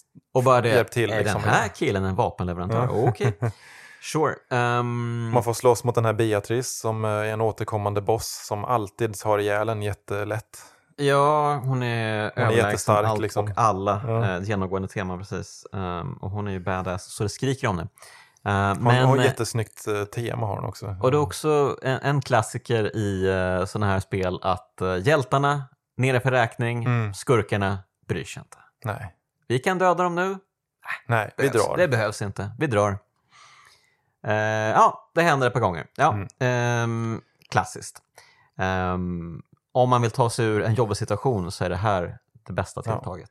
Men eh, ja, de är, de är lite sårade de här hjältarna men de, eh, de får veta att eh, kungen av det här Burmesia lever och har begett sig till Kleira som är också de här råttornas andra bosättning. Liksom. Ja, precis. Fast det är väl de mer spirituella Ja, det är en liten annan avstickare. sådär. Falang. Precis, av falang. Ehm, Eh, och då de bor i någon sorts stort träd i en öken. Precis. Ja, men eh, man kan väl säga att det här är typ uh, buddhistråttorna. Mm. Ehm, och de... ehm, det var väl flera hundra år sedan som de bara, nej men vet ni vad, vi gillar inte det här kungariket så att vi sticker och hänger här borta och håller på med våra spirituella grejer. Ehm, så att gänget kommer dit, det bjuds på dans Mm. och ehm, Det sen- visar sig också att den här råttan som Vivi träffade i början eh, Mm. är prins. Eh, ja, ja, ja. Puck heter han, just det. Och Ja, han, är, okej, liksom, han är just det. prins i det här kungariket. Just det, självklart. Eller han är, han är ju. Burmesia-kungens eh, eh, son. Då. Eh, precis, råttan Mm. som hjälpte Vivi i Precis, allra första ja, början precis. av spelet. Ja, helt plötsligt dyker han upp. Mm. mm. Ehm, ja och han verkar inte gilla sin pappa särskilt mycket. Ehm, Han dyker inte upp så mycket mer egentligen efter det. Utan det är bara så här, ja. Ja, nej, det, det är lite random bara. Okej, Mm. ja. Mm. Eh, och eh, gänget ska dra därifrån, men när de är på väg därifrån så dyker skurkarna upp. Mm. Ehm, och eh, så måste de springa tillbaka och försöka rädda folk. Det är en ganska hemsk scen. Ja, verkligen. Man får ju välja lite så här, ska man gå hit eller ska man gå dit? Och då kan, då kan ju folk dö liksom, i den här stan. Mm. Och beroende på vad man väljer. Ja, men här bränner det ju till för Mm. första gången känner jag av spelet. Eh, att Ja, de här blir Black Mages, eh, har ju verkligen ihjäl, sker eh, faktiskt. Ja, de här Black Mages har ihjäl folk liksom, utan att tänka. För de är ju någon sorts bara robotar som Mm. gör det de ska. De säger ju bara kill dessutom tror jag. För det mesta. ja, ja, precis. Just det. Det enda de säger är kill. Kill, kill, kill. Ehm, ja, och gänget. Jag kommer faktiskt inte ihåg hur de klarar sig ur den här knipan. Ehm, ja, de precis... För de slåss mot Beatrice igen Ja, här. hon, hon de slåss mot henne och eh, man, när, precis när de är på väg därifrån så är det någon Mm. sorts, eh, de här Black Mages eh, försvinner i någon sorts sfär. Mhm. Och de här hjältarna bestämmer sig för att hoppa in i de här sfärerna. För Ja, att, just och då hamnar de på så. deras skepp. Och då är det också att, då är det en annan återkommande grej att drottningen har fått tag i Acons på något sätt. De här stora mäktiga gudarna som återkommer i serien. Ja, Summons eh, Precis, heter de väl Summons, ofta. eller. Acons. Och eh, skickar ner Odin, den här stora riddaren, på en häst. Och fullkomligt spränger ihjäl den här staden. Just det. Um, det är, sa vi det, att det är liksom en stor virvelvind av sand som skyddar den här staden. Just det. Ehm, och att de, när de skulle liksom försöka förstärka Mm. virvelvinden med den här dansen så dog virvelvinden helt istället. Mm. Ja, deras harp, magiska harpa går sönder. Alltså jag, jag fattade aldrig riktigt den grejen. Bara, Jaha, varför? Okej, ja, Mm. ja. Ehm, så att de sätter liksom um, krokben för sig själva med det initiativet. ja. Precis, nu tappar jag bort mig lite. Men eh, precis, de hamnar ju på det luftskeppet igen. Mm. Och samtidigt, eh, om man ska återgå gå till Garnet, så har ju de, de, har ju, de kommer ju fram till Alexandria, Mm. men blir kidnappade av eh, drottningen ganska direkt. Ja, just det. Eh, och då, det får ju, jag tror att Zidane och de får reda på det. Och det är Mm. därför de också hoppar på det här Alexandria-skeppet och försöker ta sig till Alexandria. De får ju Mm. veta, reda på det. tror- De, de tror de hör att Beatrice eller drottningen säger något sånt. Mm. Att de liksom ska ha, också ha ihjäl eh, prinsessan tror jag. För att eh, det blir också en så här rolig scen där med, för Steiner och Marcus från Tantalus som man har så här mött. De blir inställda i någon, de blir inställda i någon bur hängandes i taket. Mm, just det, av Zorn och Thorn va? Precis, och då är det också något minispel att man ska så här vicka på den här buren Mm. tills den träffar Ja, en vägg. just det. Just det, just det. Som är Mm. lite, så här humor, lite humoristiskt tycker jag. Ja, precis. Och sen så springer de runt där i Alexandria va? Mm. Ehm, För att drottningen vill för det visar sig att Garnet har ju de här uh, summons eller icons inom sig, visar det sig. Ja, precis. Hon, är, hon kan ju då åkalla de Precis. här Och, drott, jättegudarna. ja, och drottningen vill, hon har ju så tagit de här de kristaller som hon har haft och hon har satt, eh, an, tagit fram de här, den här till exempel Odin. Ja. och vill eh, eh, bara utnyttja garnet för att ja, men, ta ur de här varelserna från henne. Och det, det Mm. gör hon ju också så här, för, att, för att få ut de här så att hon kan använda dem som krigsföring egentligen. Mm. Ja, men lite atombomber nästan kan man säga. De blir ju faktiskt Ja. eh, atombomber. De är ju helt Mm. eh, sjuka, eh, det de åstadkommer. Ja, och sen anländer ju Sedan och gänget till Alexandria för att rädda henne. Som också är en lite häftig scen där man springer igenom slottet och försöker stoppa innan de ska ha ihjäl garnet. Mm, mm. Just det, just det. Ehm, precis. Ehm, och vad händer sen? Har helt glömt. Ja, det viktiga är väl att eh, så här, drottningen bevisar sig att hon struntar helt och hållet i vad som hände med eh, garnet. Eh, Precis, just det. Mm. så det, hon bryr sig inte om det. Eh, Freja och Steiner bestämmer sig för att stanna och kriga tror jag. Mm. Mot liksom, in medan de andra kan fly. Mm. Och de flyr Och över. eh, Beatrice tror jag. Ja, precis. Och då får man spela lite som henne och då får man ju se hur jäkla stark hon är. Ja, just det. Hon sopar mattan. Man har massa attacker som så här, bara har ihjäl allt. Och det är väl enda gången man får spela som henne? Jag tror det. Eller någon, att- någon, scen, någon gång senare får man spela som henne. Men Eh, ja, men precis. För att Mm. man ska liksom förstå att oj, hon är för bra för dig. Ja. Eh, typ. Ehm, yes. Men då ger sig Vivi, Sedan och Garnet iväg för att de ska, de ska tillbaka till Trino tror jag för att prata med Dr. Tott. Det ska de säkert. Ja, Ja, ungefär Det är här, här, det- ungefär det- här ja. blir väldigt plottrigt i, jo, i spelet. det, är så här, det, är story, dit de, det är dit de vill i alla fall. Men eh, de eh, av någon anledning kraschar och hamnar ut, lite utanför Lindblom i någon liten skog. Aha, Eh, och Minns där träffar, man ju en, där träffar man en gubbe som flyger. Eh, Man en träffar en, svä- man träffar en man- svävande ja, gubbe. Ja, ja, ja, okej, okej. Man träffar ju Ja. en, man träffar en av de här gudarna. Ja, som är Ramu som också är en så återkommande gud. Och, I Final eh, Fantasy-spelen. Precis. Och då För- får man ju göra något lite... Alla de här Odin, Ramu Mm. och eh, Bahamut och eh, så Precis. vidare. Liksom. Det är ju klassiska Ja, attacker som har funnits i alla eh, precis. Och han, han berättar ju att hon har ju de här krafterna inom sig och om du vi bevisar att du faktiskt kan, kommer använda dem för gott så, får du, så kan jag följa med. Och då får man också göra något lite märkligt minispel, att man ska hitta någon del av en liten story och sätta ihop den rätt. Mm. Och det här är ju så jätte, om vi ska återkomma till hur dåligt det gick när vi spelade när jag var liten. Ja, Man behöver ju inte göra det här utan man kan gå vidare. Mm. Och jag tror inte vi fattade och bara okej vi går vidare. mm. Och då har man inte sammans i, resten av spelet och det är omöjligt att få dem. Nej, är det sant? Ja, så då var, gjorde vi ju spelet ännu svårare för oss. What? Okej. Ja, inte för att jag använder Summon särskilt Nej, ofta. man, man ska gör ju säga. kanske inte det men det är, så det är ändå något bra, det är bra attacker som Det här är nog ändå det hands. Final Fantasy-spel jag använt Summons minst Mm. i. Och det är väl kanske för att det är bara två karaktärer som Ja, kan precis. använda Summons också. Ja, Eh, så det blir ju väldigt... det, och det tog väldigt lång tid för mig att inse att eh, man var tvungen att... för att hon blir ju av med alla sina Summons, ehm, eh, Garnet. Och när hon får tillbaka möjligheten att använda Summons så måste man ju först eh, låta henne lära upp dem Precis, som man- förmågor. Ehm, och alltså liksom verkligen uh, equippa de här kristallerna. mm. Eh, och vilket jag inte fattade man skulle göra. Eh, så det var också en sån här grej som bara helt eh, försvann. Mm. Det, säkert någon sa det i någon, så här, någon snabb mening och sen så bara, ja, okej. Borta för alltid. Och eh, kunskap som måste rekvireras via kanske en strategiguide. ja. Apropå strategiguider. Mm. Vad tycker vi om Final Fantasy 9 strategiguide? Jag har inte läst den men den är väl så känd att den är jättedålig. Att den har mycket hänvisningar till nätet.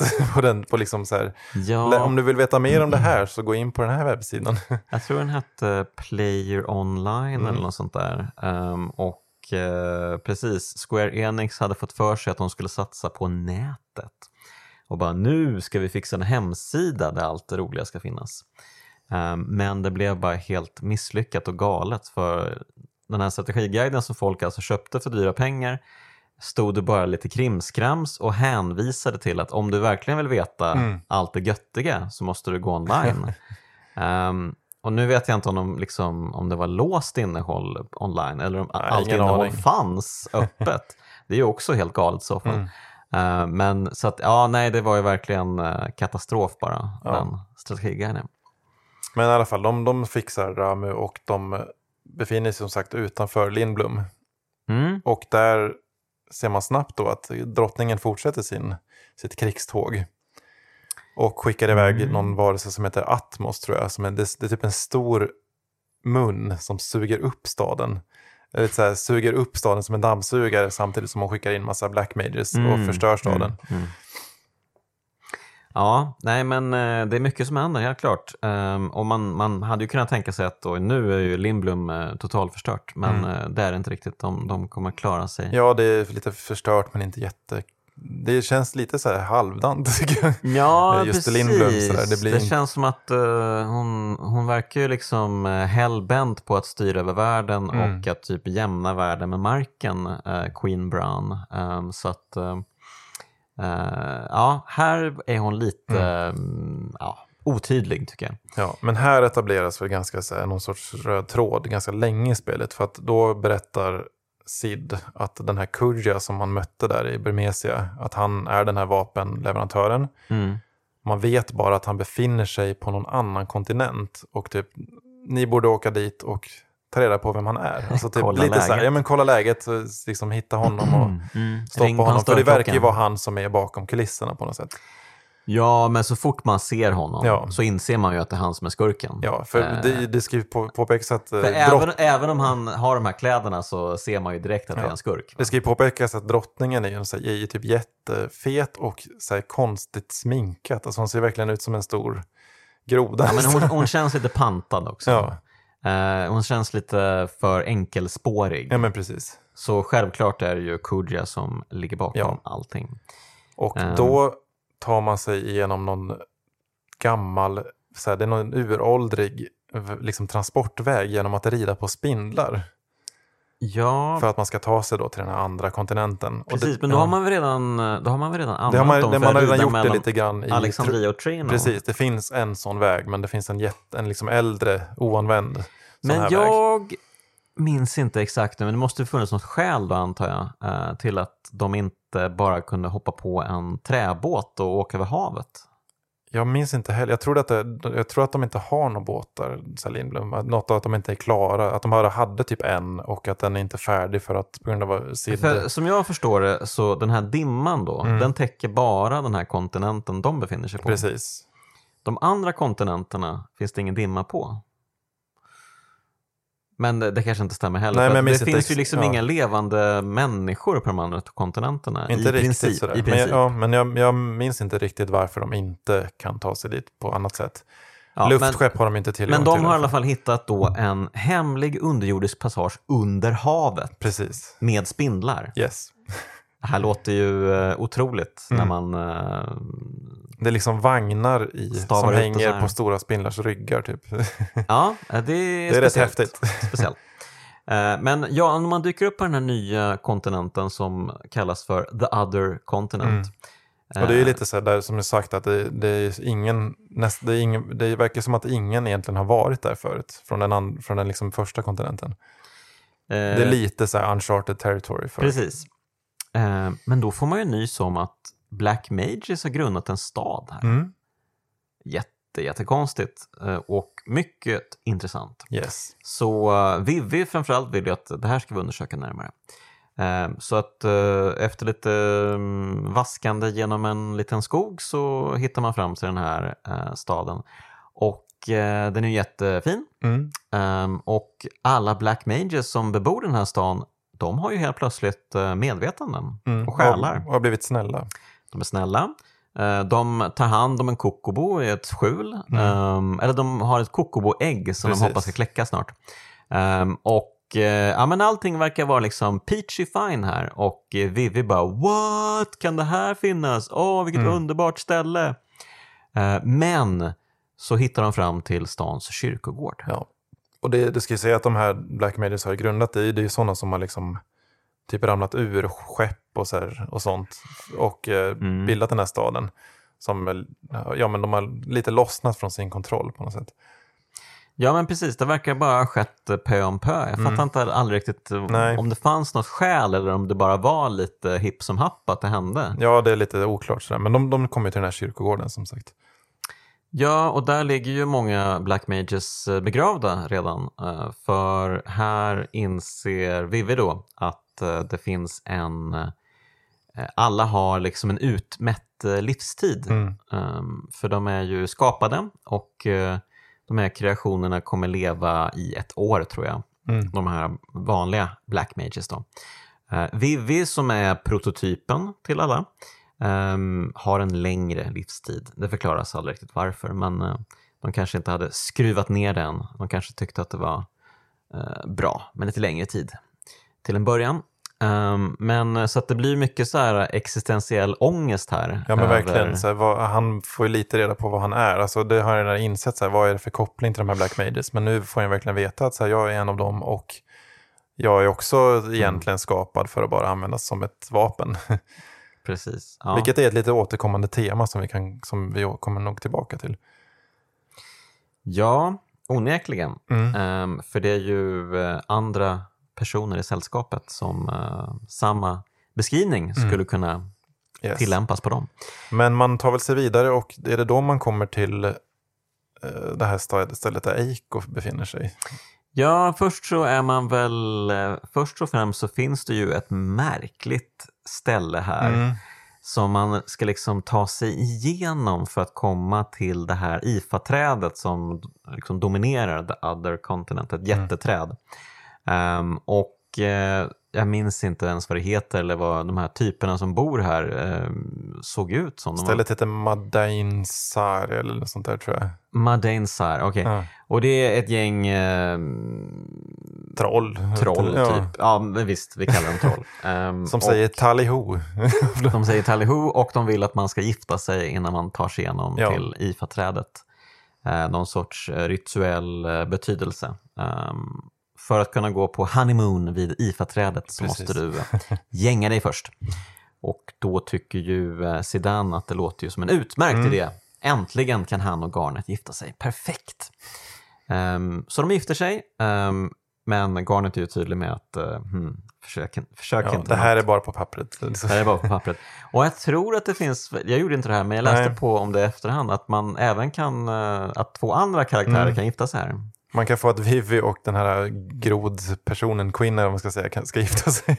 Ja, Vilket är väldigt märklig scen, typ att så här, Vivi fattar ingenting, men hon verkar väldigt papp... Eller, ja, just det, hon eller han, det är, det är också väldigt otydligt vad, vilket kön den här Quinn är. ja precis. Ehm, eller om det Ehm, ens är, är tydligt. Alltså, Mm. Och ja, det kanske är samma för Vivi egentligen, även om man alltid Ja. säger han där. Men, ehm, ja. Men hur som helst. ehm, ja, men då hittar man då fram till slut till... ehm, ja, det är liksom en um, övergiven stad kan man säga. ja, ett, en ruin av en, någon gammal stad. En ruin av en gammal stad. ehm, precis. Och här träffar man en... Nej, man träffar henne tidigare kanske. Men, ja, lite tidigare. Men, lite tidigare. Men, men i alla fall, här lär man känna då uh, Eiko. Ja. Eiko precis, som Ja. en, det är en liten flicka, jag tror hon är sex år gammal ska hon vara. Ja, eh, det är inte mycket. Och eh, Hon, bor tillsammans med massa mogels. eh, Som är, Men det- är härligt att hon blir eh, lika kär i Zidane ja, eh, direkt som Zidane blev kär i Garnet. ja, så det blir en liten så här knasig kärlekstriangel här. Att så här, Precis, den sexåriga, den sexåriga Eiko gör allt för Ja. att eh, få Zidane att släppa tankarna Mm. på Garnet. precis. Och hon, bo, hon visar sig att hon bor ju där själv i den här ruinen tillsammans med en massa mogels. Eh, Hon har ett, en, en, e- en egen som är typ hennes lilla kompis. Har hon med Som sig bara jämt. heter Mog. Ja, som hon har med sig jämt. Liksom. Ja. Och det är lite märkligt, så här, vem, vem är hon, vad gör hon här? Liksom, man får, får inte veta riktigt direkt. Nej. Ehm, och, Men hon kan ju också använda eh, Acons, visar det sig eh, Summons.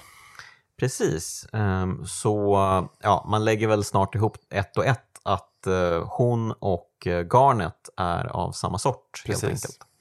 Och eh, ja, det kommer väl först senare i spelet men man får väl veta att hon, eh, hon är ju adopterad, så mycket man ju förstått. Eh, Hon kan ju omöjligen Ja, de är väl var, syskon. vara, vara liksom eh, Mm. Queen Brans eh, de är väl dotter. syskon till och med, att de blev typ precis något sånt. Ja, ja, eller jag vet inte Ja. om de är syskon, men, men de, alla kommer ju från den här ja, staden, båda två. Precis, som eh, blev förintad för länge, länge sedan. Ja, får man veta. precis, exakt.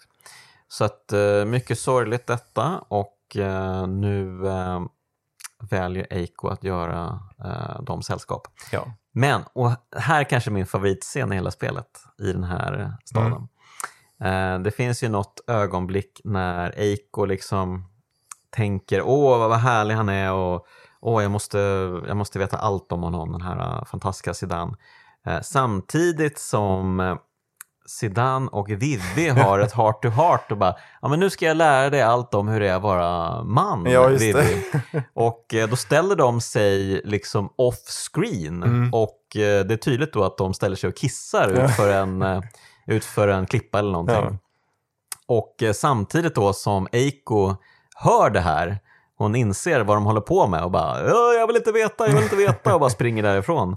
Ehm, ja, mycket bra. Alltså, stundtals tycker jag att eh, det här spelet eh, har ganska bra humoristiska Ja, mycket, det finns mycket ögonblick. sånt roligt tycker jag.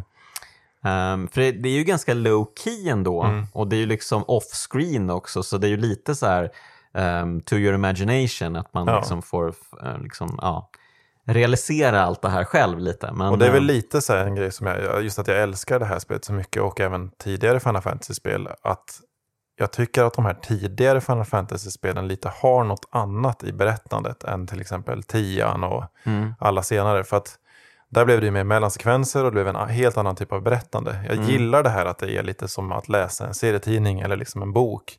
Att det faktiskt är dialog på ett annat sätt. Att man liksom läser all dialog. mm, Och all dialog kommer egentligen på samma sätt. Det är aldrig talat, det är bara liksom de här pratrutorna. mm, Det finns mellansekvenser men de är alltid till för att visa lite mer spektakulära händelser sådär. mm. Och att det är väldigt så här, här är en scen, här, här får du se liksom karaktärerna och du får se- den här bakgrunden. Det blir liksom, det blir lite, ja men, enkla medel som gör mycket tycker jag. Ja, men jag håller verkligen med. Ehm, och som du är inne på det här att man verkligen, här kan man begränsa, det är det här som händer och det är mycket som lämnas till fantasin. Eh, nu är ju AI stort Mm. och det dyker upp eh, jättemycket så här, åh, den här eh, filmscenen, nu låter vi AI visa hur det ser ut utanför Ja. skärmen. Hur hela rummet ser ut. Åh, vad fantastiskt! Nu kan du se allt. Mm. Nej, det, Nej. detta är vansinne. Det, är liksom, det fanns ju en tanke från början med att vi bara skulle se just Mm. den här liksom närbilden på den här karaktären i den här scenen. Ehm, så det känns ju lite som att samtiden har blivit galen. Ja, men det eh, blir ju, allt det, mer och mer. ja, liksom, det blir lite i- mer så här klassiskt berättande. Det blir lite en teaterpjäs samtidigt som det är en serietidning. Alltså det blir lite mer enkla medel på något sätt. Ja, men eh, verkligen. Och jag gillar ju verkligen det här med de, med de tidiga Final Fantasy-spelen, precis som du är inne på, att man, man läser allting själv och eh, man skapar deras röster i sitt eget huvud. Mm. Ehm, och det tillför väldigt mycket tycker jag. För Ja. att eh, det är ju inte alltid som röstskådespelarna är på topp va, i de senare Final Fantasy-spelen. Nej, inte alltid. Och det Eh. blir ju inte samma typ av berättande heller, tycker jag. Nej. Men de Ehm, tar sig till det här IFA Tree, mm, som jag alltid trodde hette Lifa Tree av någon anledning. Ja, Men eh, just det. det är när jag var liten. det Men, är ju ett stort ja, i och sen ett litet i Ja, efter. men det heter gör att man lätt Tree. tänker att det blir Leafa Tree kanske. men de ska väl, var, varför ska de ens dit först och främst? Minns jag inte. Ehm, ja, det är väl så att de har fått nys om att eh, det finns något. De ska ju ner Mm. i IFA Tree. I trädstammen Ehm, I trädstammen. De, de har fått nys om att där nere finns det någonting som kan hjälpa dem. Och som är ehm, kopplat till Kuja, säger Det, de, det tror är jag också. kopplat till Kuja, det är också kopplat till dimman Mm, tror jag att de har det. insett. Mm.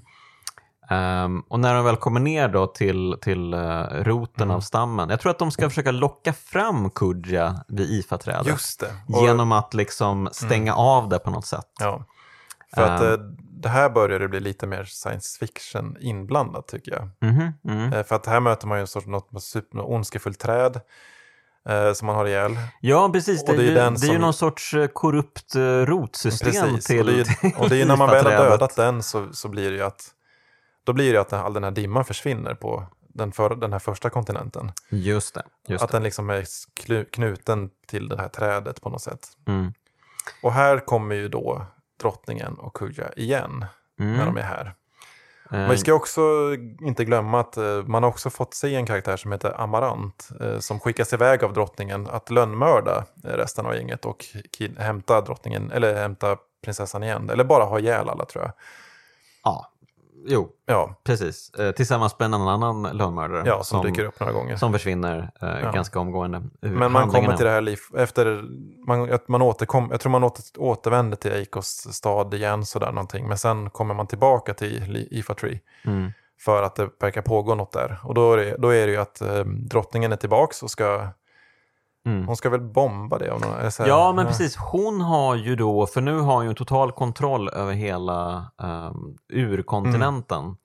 eh, där alla människor, eh, eller människor, alla levande varelser bor typ.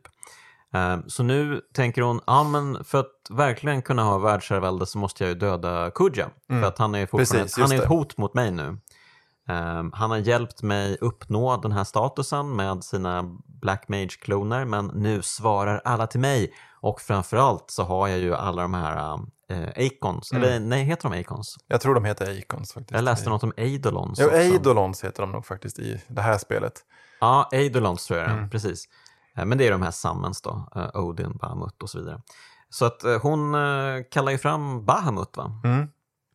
Och eh, det är ju i vanlig ordning ett spektakel, men Kuja, han har koll på läget. Ja, han visar väl sin rätta färg här. Att, ja, men, han har väl hela tiden egentligen bara utnyttjat drottningen och Mm. han, han får kontroll över Bahamut och eh, har ihjäl drottningen. Det är ju väldigt intressant eh, sättet det sker på, för det dyker ju upp ett jätteöga Just i himlen. Mm. Och det är ju hans, det är ju någon sorts eh, luftskepp som rör sig i rymden Ja, nästan. det, det kommer ju mycket tillbaka till det här sen. Mm. Ja, någon sorts eh, rymdskepp typ. Mm. Ehm, jätteöga eh, som eh, bara liksom, okej, bung, Mm. och nu, nu Och de får, tillhör de, ja, Bahamut eh, de får också, jag tror också att Garnet här får någon flashback, att det här, verkar, det här ögat har dykt upp förut. Och det är någon koppling till att det här ögat var med och förintade deras, den här staden som de kommer ifrån, får, får man veta. Så Kuja har ju, eh, han är ju skyldig till detta. Ja, Ehm, och eh, ja, han får kontroll över Bahamut, dödar Queen Brown, hon spolas i land, hon är ju fortfarande vid liv då Mm. och så Garnet får byta några sista ord med henne. Ja. Ehm, sen hon, blir det väl lite... eh, hon har väl typ Ja. ja. avhypnotificerats Ja, lite precis. grann. Hon har väl varit lite mind controlled. Sådär. Och- Men sen blir det väl något tidshopp där att Garnet ska bli drottning. Just det, och det här gillar jag ju med spelet. Eh, jag både gillar och ogillar det här för att det är ju skönt att det blir bara helt plötsligt bara oj, nu är det lugnt. Nu är det lugna Ja, det blir, en, det puckar. blir en liten lugn period där ett tag. Eh, ja men Kudja har försvunnit Mm. och vi bara, ja men eh, allt är tillbaka som det ska vara, som det brukar vara. Ehm, typ. Mm. Eh, hon ska krönas i Alexandria. Ehm, det visar sig att uh, Sidan, han är ju superkär i, i eh, Garnet. Men nu när kommer han förlora nu när hon ska henne. bli drottning så kan han ju inte umgås med henne. Så, Så han, han, är, eh, han är väldigt nere där han är på någon bar och Ja. antar jag super sig full. Ja, Ehm, och eh, så får man följa de andra karaktärerna runt om. ja i massa olika sätt. Så det är jätte, en rätt snygg scen tycker jag. Hela Ja, det, här, men det här det blir liksom en, en helt annan eh, känsla. Mm. Det blir liksom eh, back to basic, nu tar vi det lugnt igen. Eh, det var de här storslagna, liksom, världsomspännande händelserna, men eh, tillbaka till Alexandria och eh, nu softar vi lite helt Ja. enkelt. Ehm, tills, eh, tills Kudja bara dyker upp helt plötsligt. Bara, Mm. nu ska jag förstöra allt. Ja, och han använder Bahamut för att förinta Alexandria. Ja, men det är så himla apropå bara. Mm. Det känns som att alla bara glömt bort honom. Men vart tog den Ja. där supermäktiga skurken vägen? Äh, äh, vi bara fortsätter med våra liv som vanligt. Och här, får man ju, här återkommer väl Steiner lite sådär. Att, ja, men han, har, han har ju under spelets gång fått eh, lite så här. Okej, bra, drottningen verkar vara lite pantad och eh, varför har jag följt henne hela tiden? Mm. Så han vänder ju lite kappa där i, någonstans i mitten. Liksom, och, Mm. okej, jag, och även Beatrice gör det också till slut tror jag. Att liksom, Mm. nej, men vi, de, hon, har alltid, hon har varit knäpp redan från början. Mm. Så de, eh, då, får man då får man styra Beatrice igen tillsammans med Steiner medan de, eh, Ja, medans de så här, skyddar staden lite, försöker försvara den. Precis. Och, då blir det ju också märkligt att då blir det att Garnet får kontakt med, Garnet och Akon får någon koppling till någon annan eh, Eidolon som ska finnas i närheten känns det som. Och Ja, de det. låser ju upp någon hemlig väg i liksom slottet. Mm. Som är väldigt så här, det blir så här lysande trappor och grejer i luften och mycket märkligt sådär. Mm, ja, jätteskumt. Bara för att de ska komma i kontakt med den här uh, super-eidolonen Alexander. är Alexander, som är slottet basically. Ja, det är superskumt verkligen. Super, som då superskumt. spränger ihjäl då till slut eh, eh, det här Bahamut. Ja, som dödar Bahamut, men då har ju Alexander, eh, i och med Alexander liksom visat sig, Mm. så kan Kuja nu ta över honom med Just det här det, ögat. ögat. För det har ju varit hela hans eh, syfte hela tiden. Mm. Att eh, ja, men, eh, jag ska locka fram nya Eidolon som bara är starkare och starkare och tar kontroll över allt. Men då dyker du alltså upp ytterligare en, en Mm. figur Det är ju här i det börjar bli väldigt skruvat. Nu börjar det flumma här. Nu alltså. blir det mycket science fiction mitt i det här fantasy-spelet. För att det är ju någon snubbe som heter Garland som också är en referens till en skurk i första Final Fantasy. Ja, just det. Mm. Ehm, som ser väldigt, så han ser lite ut Darth Vader-aktig ut. Utan, Darth Vader utan hjälm skulle jag säga. Ja, ja, precis. Det är nog Eh, spot on. Och eh, han verkar, Skallig. ja, och han verkar ju då styra över Kuja på något sätt. Ja, precis. De har en relation. Mm. Han eh, tycker att eh, nu har jag släppt lös, eh, nu har Kuja fått springa lös tillräckligt länge. Nu ska jag ta tillbaka kontrollen över det här ögat, Mm. rymdskeppet. Eh, och istället för att Kuja ska få kontroll över Alexander så förstör jag Alexander och hela Alexandria, hela Ja. staden. Um, Kuja slinker iväg med svansen mellan benen. Han har ju faktiskt en svans. Det syns ju inte här, men... Nej, och det har vi inte nämnt heller. Att Zidane har ju också en svans. Ja, Vilket att, är så eh, här, bara att man, det har han bara. Får man, det har redan han bara. från början ser man men, att han men har en alltså, svans. det är ju inte så konstigt med tanke på att alla andra eh, kan se ut Nej. som djur och sådär. Nej. Så att, att han har en svans, det är ju bara, ja, En ja. typ apsvans eller vad man ska säga. Ja, precis. Ehm, men så han och Kuja kanske är lite länkade också. Yes. Eh, blir det kanske tydligt. Eh, kanske inte här, men ganska snart. Mm. Den här vet jag inte exakt vad som händer härnäst. Men det blir väl liksom att de får lite reda på vart Kuja befinner sig. Mm. Tror jag. Att han också, han är på någon annan eh, kontinent till och med. Nej, men så här är det. Jag minns det som att han har, ehm, han har flytt till, eh, tillbaka till the other continent. Ehm, och befinner sig i en sandgrop tror jag det är. Man Mm. ska hitta honom i um, såna här um, kvicksandsgropar, virvelvindar i sanden. Och då tror jag man har fått ett luftskepp igen. För Ja, då, har, eh, då har väl eh, Sid fått tillbaka sitt, eh, sitt rätta jag. Nej, Inte än. nej, Nej. inte än. Ehm, man får ett, man får... Då får man en båt tror jag. Man får, ett, eh, man får en båt, så är det precis. Man får en båt. Och lycka, då kan man ju åka runt lite i världen. Eh, inte på alla ställen, men man kan åka runt lite grann sådär.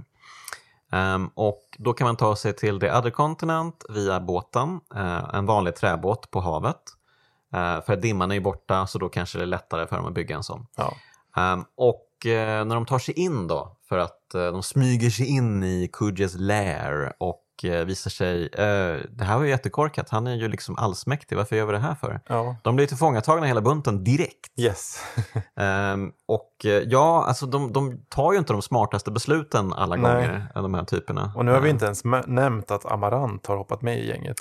Ja, men det är Som lite... han, är ju lite den Det, svagaste det skulle karaktären man ju kunna sätt. undvika att Ja. nämna nästan, för att han är ju den karaktär som är absolut minst, alltså så otroligt underutvecklad. Ja, han är bara Ehm. någon sorts deppig emo-lönnmördare som liksom bara hänger med och inte, riktigt, Ja. och inte riktigt vet varför han gör det känns det som. Nej, och det lustiga är ju att man under liksom, spelets fortsatta gång får veta då att han har någon sorts beef med Ja, Zidane precis. som är liksom långt gången tillbaka.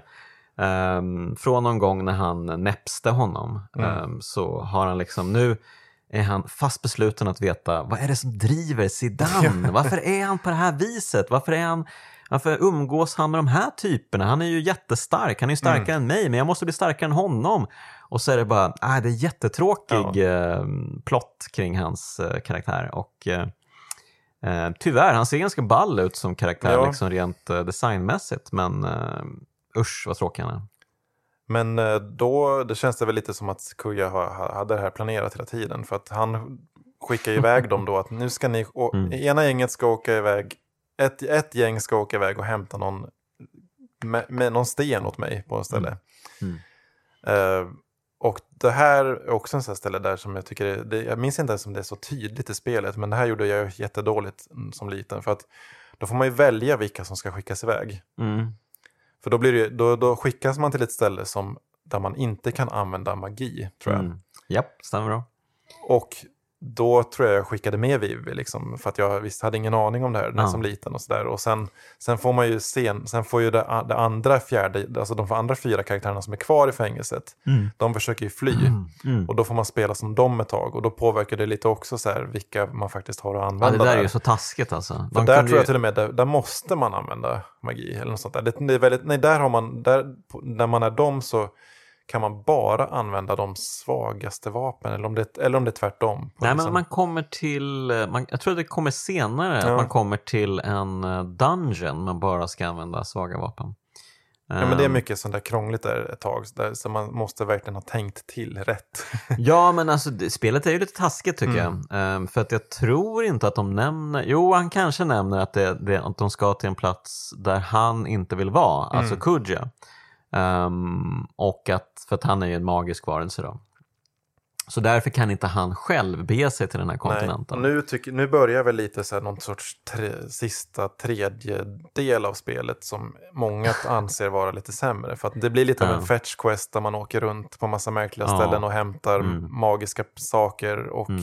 Jo, jag, jagar jag kände att spelet tappade här lite ganska mycket faktiskt. Man Ja. åker runt i massa olika typ uråldriga platser och typ samlar på saker känns det som. Lite fetch Ja, men quest-aktigt. lite så är det väl. Vi behöver kanske inte gå in Nej. i detalj på allt här.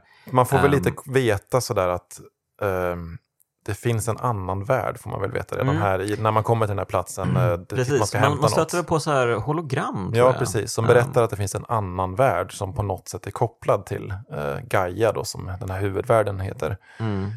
Och att på något sätt så, jag vet inte om det är då man får veta det, men att hela liksom det här att det finns massa märkliga platser och monster och dimman och allting, Mm. är att de här dimensionerna skulle krockas tror jag. Ja, ska vi dra hela förklaringen? Ja, Eh, det här är ju så himla Det är väldigt out märkligt. there verkligen. Eh, men eh, så här då. För 5000 år sedan, vi börjar där, så fanns det en planet som hette Gaia. Eh, Gaia var en mycket märklig plats. Det var verkligen en science fiction-plats där ehm, Nej, Terra var det. Förlåt. Eh, Det var en planet som hette Terra. Ehm, och det här, Terra då, det var en, liksom en otroligt framstående civilisation med eh, massvis med eh, intelligenta och eh, ja, men allsmäktiga varelser. Men eh, de, precis som allt annat, är bundna vid ett liv som förr eller senare tar slut. Men det tyckte de lät pissdåligt, så de eh, försökte hitta sätt att eh, bli odödliga på. Och eh, de liksom byggde om Gaia, eller Terra, förlåt, Terra då, den här planeten, till en sorts dödsstjärna kan Mm. man säga. Som alltså slukar andra planeter och dess eh, livsenergi. Så att eh, de här själarna, de här människorna eller varelserna som bebor Terra kan fortsätta leva. mm. Ehm, Men så dröjde det ett tag, de lyckades inte hitta någon bra planet att eh, assimilera och stötte på planeten Gaia, planeten vi befinner oss på. ja. Och eh, ja, men eh, det är lite, mm, det är lite tajt här, vi måste nog eh, ta chansen. Vi tar Gaia ändå. Men något gick fruktansvärt fel. Det blev någon sorts weird liksom face-grej här. Så att de fasade samman de båda planeterna. Och om jag har fattat det rätt så hamnade Terra inuti Gaia. Mm, precis. Och vissa delar av Terra hamnade på Gaia. Ja, det är mycket så märkliga platser man dyker upp i som, Ja. som är därifrån på något Precis, sätt. den här och mycket, mycket, oil- mycket, ja, precis, och mycket, heter. Mycket varelser man möter som också på något sätt kommer därifrån. Ja, just det. Precis, så att det finns ju liksom eh, Och dimman de- delar något av eh, ja. Terra finns på Gaia. Och det här IFA Tree är någon sorts uh, sil på något sätt. Ja, med, som så här, för, för över själar mellan de här världarna på något sätt.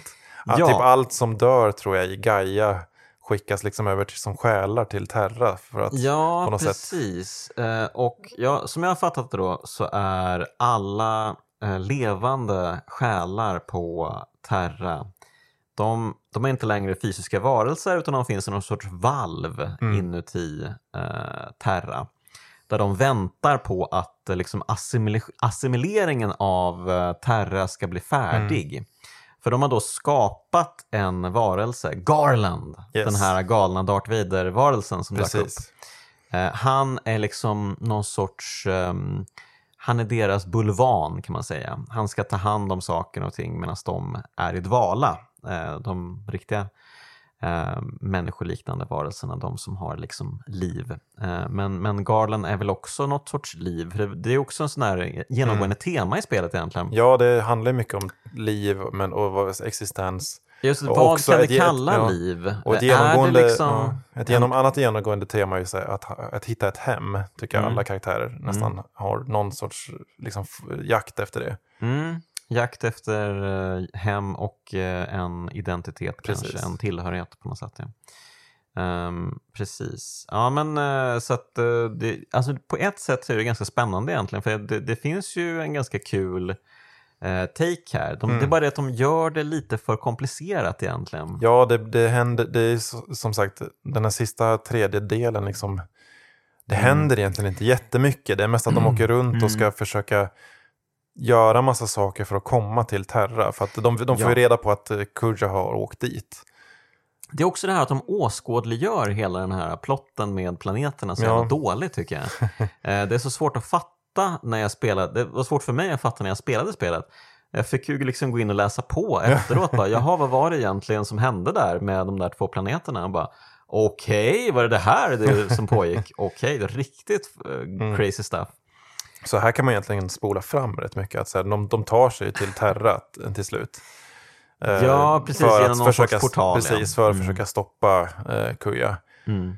Ehm, och det, den, det är en väldigt så här, fin plats man kommer tycka. Det är väldigt jättemysig musik och det är, allt ser lite så här. Det var gjort av glas nästan, färgat glas och det, kristaller typ. Mm.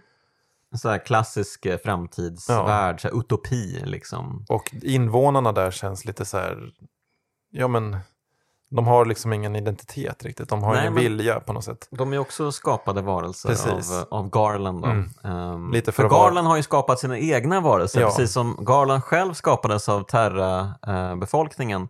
så har han fortsatt då och skapat nya ehm, saker som bara vissa har fått en själ Mm. eh, och andra inte. då. För här kommer väl den stora plot twisten i spelet. Eh, att... Ja. eh, Jag, vet inte, vad- jag vet inte vad jag tycker om det här. Nej, det är lite oklart. Och det, Mm. det, jag ska ha en parallell till en annan grej sen. Men för att det visar sig att Sidan och Kuja Mm. är skapelser av Garland Ja, som skickades till Gaia för att döda så mycket varelser som möjligt på den här planeten så att det skulle gå fortare tror jag, den här Ja. liksom, själöverföringen. just. Mm. Ehm, men Sedan, mm, han, hans liksom uppdrag på något sätt gick ju inte, alltså han tappade sitt uppdrag på något sätt och blev en vanlig människa på den här, eh, på ja, Gaia. eh, så här var det. Det är så, dumt. Ja, det är det är så dumt allt det här. Men, eh, Kuja skapades först. Mm. Han skapades som vuxen direkt. Eh, bara som en färdig person, liksom. pang bom. Eh, och eh, visade sig vara väldigt, eh, vad ska man säga, flawed. Eh, Ja. var en, en dålig skapelse av Garland som första skapelse. Liksom. Eh, Men okej, han är lite kaotisk och sådär. Jag kan skicka iväg honom till, ehm, till eh, Gaia. För Mm. Så att, det är lite från början därför han kaos. åker runt där och skapar det här kriget. Sen Eh, inser precis. ju han, Garland, att nej men det här funkar ju inte, jag har ingen kontroll över honom och nej, det är dumt. Vad jag istället ska göra, det är att skapa en varelse som ska växa upp och lära sig ehm, allting som en eh, riktig eh, person. Liksom, Mm, det, via, via liksom, eh, barndom och uppväxt och allt det där. Och eh, bli en vettig människa. Liksom. Ehm, så då skapar han Zidane. Eh, men när Zidane är typ 4-5 år eh, så kidnappar Kudja honom. det är så dumt allt det här. Varför? Ja, det är för att han blev svartsjuk Ja, på han blir Zidane. svartsjuk på Bara, att- ja, Jaha, är precis." du en bättre skapelse än mig? Nej!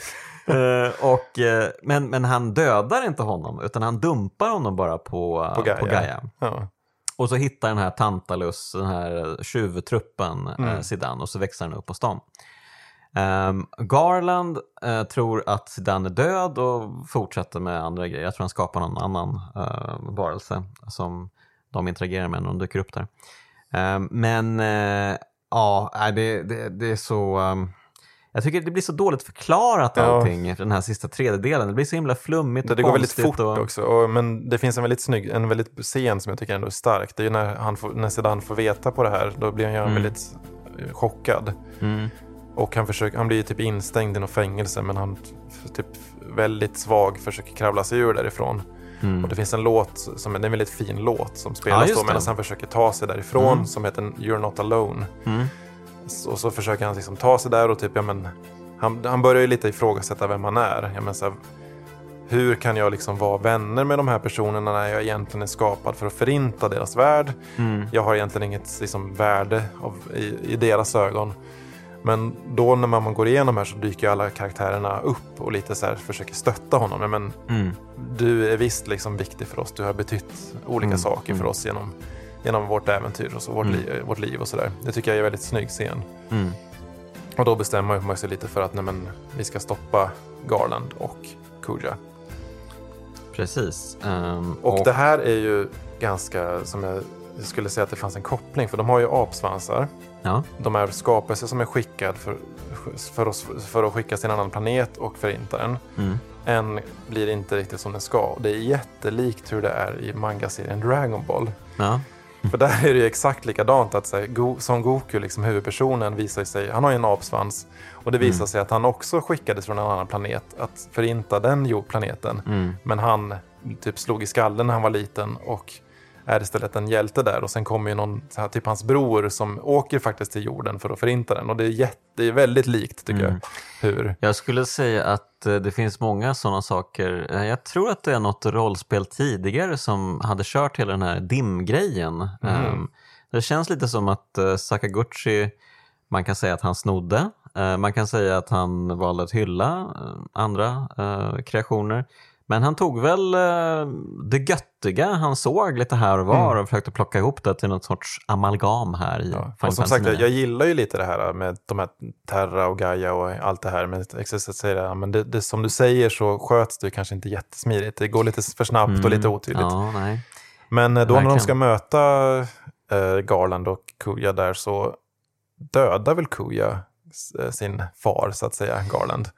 Precis, för han har ju, men han har väl insett någonting, Kudja. Mm. Jo, han kan ju, ehm, precis, han har ju lyckats eh, med den här trans-grejen nu. Ja, för det, det är ju För det en inte ens nämnt, Nej, att det finns en, en specialgrej då eh, i striderna. Eh, när man får tillräckligt mycket spö av fiender så, kan man, så uppnår man ett särskilt tillstånd som heter trans då ens eh, förmågor förändras på olika sätt. Eh, vissa karaktärer får tillgång till eh, helt nya förmågor. Andra karaktärer blir så här trippelt så starka. Ehm, ja, så det, och där, an, där antyds ju lite att Zidane är väldigt mäktig redan tidigt. Att Mm. han, har, han har ju väldigt mäktiga attacker Mm. under trans liksom. Mm. Och det är även han som först blir det, eh, får det liksom. Eh, Just det. Ehm, och det är ju lite, ganska- det är lite gan- Super Saiyan också som i Dragon Ball. Sådär, men jag, de- tycker att, jag tycker att det är en ganska dålig stridsförmåga Det är också, överlag. för att det, det är också för typ på sjuan så, där så har man ju attacker som man får.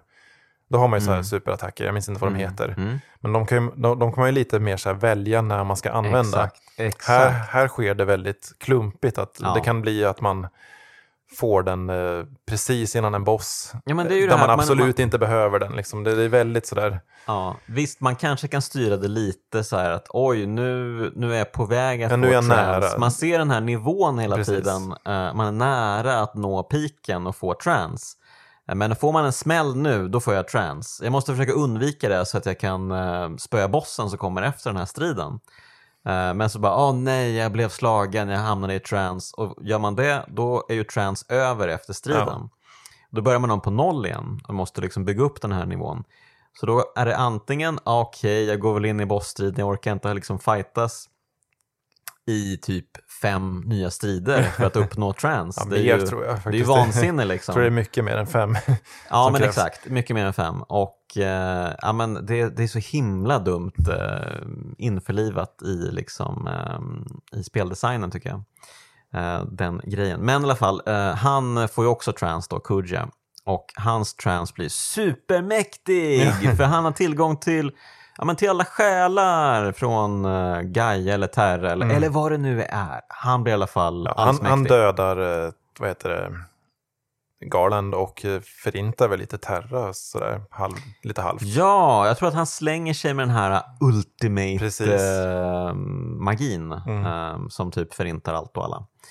Eh, så att, eh, ja men Terra förintas, hela gänget lyckas ta sig tillbaka till Gaia och det är dags för slutstrid vid Ja. IFA-trädet. Man Där kan åka öppnat- runt ja, en massa och göra ja, det, det blir lite, lite så här slutskede som i alla spel där man kan åka Ja. runt och hitta lite hemligheter. Men, men eh, till syvende och sist så handlar det om slutstrid helt ja. enkelt. Och då har det öppnats en stor portal ovanför eh, IFA-trädet. Ja, för grejen är ju den att precis eh, innan han började förstöra allt och Kuja så han, han sparkar ju ner Garland i någon ravin eller någonting så att han dör, men Garland dör inte utan hans röst finns fortfarande kvar och dyker upp liksom i textform liksom på skärmen och pratar med Kuja och bara allt du gör är meningslöst. Det, det du håller på Mm. Just med är det. helt meningslöst.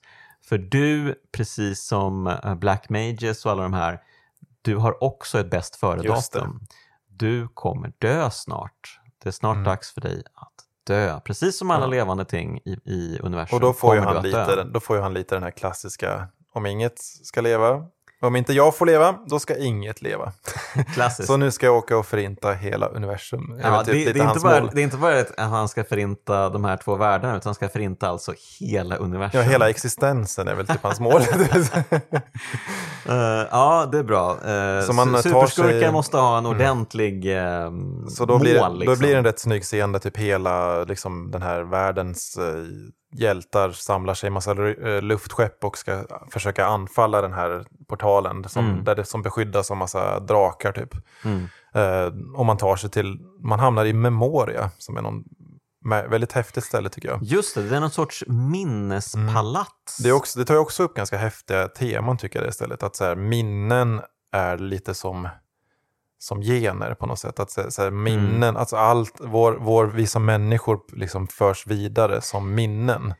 Absolut, Eh, det tycker jag är att rätt vi snyggt, liksom så har gemensamt Mm. eh, minnen eh, från förr. Um, det, precis. För Ja. man stöter på, alltså hela den här världen är som någon sorts mix av typ mycket man har stött på tidigare eller saker Mm. som refereras till gamla världar och sånt. Liksom. Precis, det, det vi skulle kalla liksom historia, det vi Mm. minns, det vi kollektivt har liksom lagt, eh, ålagt oss att eh, skriva ner till kommande generationer och berätta för varandra och sådär. Eh, det blir ju här mer som ett eh, mer eteriskt eh, Mm. ting då i den här stora memoriasalen eller det här slottet som man färdas i. Um, så det är ju, eh, ja men det är väldigt spännande, absolut. Ja, så med. möter man några bossar som är, jag tror de, jag tror de anspelar lite på några bossar från ettan. Ja, 1. och de här bossarna, de, jag tror att de dök upp lite innan ja, i de spelet dyker också. upp, eh, de är beskyddare av några stenar som gör att man öppnar en portal till Terra. Just det, så var det.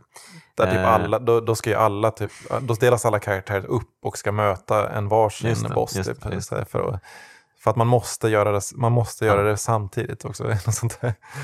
Eh, ja, eh, precis. Och eh, ja, men eh, här har vi det då, slutstriden mot eh, Kuja och... För eh, först, först kommer, då kommer man ju in i eh, The Crystal World innan Mhm. därifrån. Ja. Och där är det är ju någon sorts liksom end, end station på något sätt. Det är slutstation i universum. Det är typ här. Det är, som, det är väl som ett, det ska väl föreställa så här, här är universums hjärta eller hjärna. Mm. Liksom. Det, det här allt liv finns. Typ. För att, ja, just det, precis. För nu kommer vi tillbaka till det här, Mm. för att de pratar ju om det, Square Enix, att det finns någonting som eh, förenar alla Final Fantasy-spel. Mm. Och det är de här satans kristallerna. Precis. Ehm, det finns alltid de här kristallerna som utgör de här världarnas ehm, liv. Alltså det är liksom eh, det här som är liksom själva grejen med allting. Mm. Ehm, så det finns ju då en kristall då som är hela universums eh, kristall. Ja, och den har ju Kurja be- beslutat sig för att förinta för att, och för, som sagt för, förinta allt för att han, och ska inte han få leva ska inget få leva. Just det, precis. Ehm, så man får ju en eh, mäktig eh, fight då mot uh, Kuja. Mm. och där har ju Nobu, alltså där har ju Nobu Uematsu gått bananas med musiken. Den, den låten är grym där man möter Ja. honom. Den är jätte, för han har ju ett så här tema redan innan som är lite, det känns lite We Will Rock You fast lite ondare. Ja, vet du vad jag tänkte? Jag Ja. tänkte precis det, att musiken bara, vänta nu, vad är Men det som sen, händer här? men sen hans slutbossen blir ju där liksom någon sorts remix som är jätte, där verkligen Uematsu har gått bananas helt och hållet liksom. Och den är Mm. riktigt mäktig.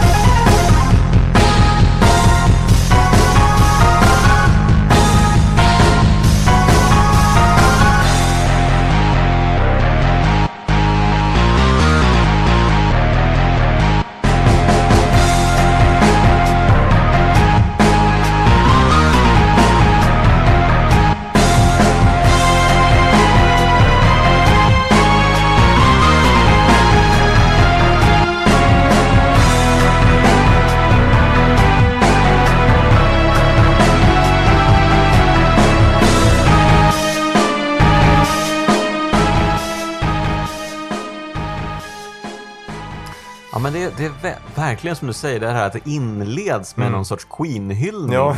Eh, och sen så bara, ja exakt, så blir det banana. Vi, vi brukar prata om häftig musik, du och jag. Ja. För det var ju likadant i Undertale, verkligen. den här eh, helt galna musiken för slutfighten. Jo, även som i mot, Undertale eh, så tycker jag att det här spelet har ju som sagt mycket ledmotiv också som så här Mm. återvänder. Det är mycket musik som, ja men den, det finns ett tem, temat som är på spe, liksom menyn i spelet Mm. eh, återkommer många gånger i, i olika sätt i spelet. Mm, okej, Och ja. även den här uh, sången som uh, Dagger sjunger där, den, den, den har ju hon lärt sig från liksom sin, uh, den här, hon har ju på något sätt lärt sig den från sin gamla, den här eh, gamla Acon-världen som hon liksom kommer ifrån. Och den återkommer Ja. ju också på massa olika A- A- sätt. Eidolon. Precis. Eidolon. Och den, den återkommer ju också. Den, det är, jag tror till och med melodin spelas ju på när man går runt på övervärlden och sådär. Det är samma Mm. melodi på något sätt. Ah, okej, okej. Ja, eh, men eh, även Kuja eh, biter i gräset. Men han bestämmer väl, han lyckas väl spränga, i alla fall skada kristallen. Ja, är det det så att han kör Ultimate igen? För Yes, att han och- använder den väldigt mycket vet jag. Ja, Ehm, och, och jag tolkar det som att han lyckas skada kristallen och egentligen på något sätt dödar hjältarna. ja okej. Så kan man ju absolut. Lite så kan man väl eh, se det. på saken. Eh, Men det blir ju en bossstrid Ja, till. det här är väl också en liten vattendelare. Många hade ju gärna sett Kurja som sista boss. Och- jag vet Ja, inte, jag är, jag är behöv- tveksam. Behövs det en bossstrid till för- frågan? för här Speciellt kommer- när det är mot ja. den här liraren som Mm. dyker upp. För här kommer man ju till någon sorts, ja det är någon sorts limbo nästan. Mellan Mm. liksom att vara död och levande där man träffar någon, man får höra någon röst som berättar att liksom, ja men han har, han har väl lite insett utifrån hur Kurja har- hanterat det här att, ja men liv är meningslöst. Det handlar bara om att dö i slutändan. Liksom. Det, finns, och det är bara kaos och det är ändå bara massa våld.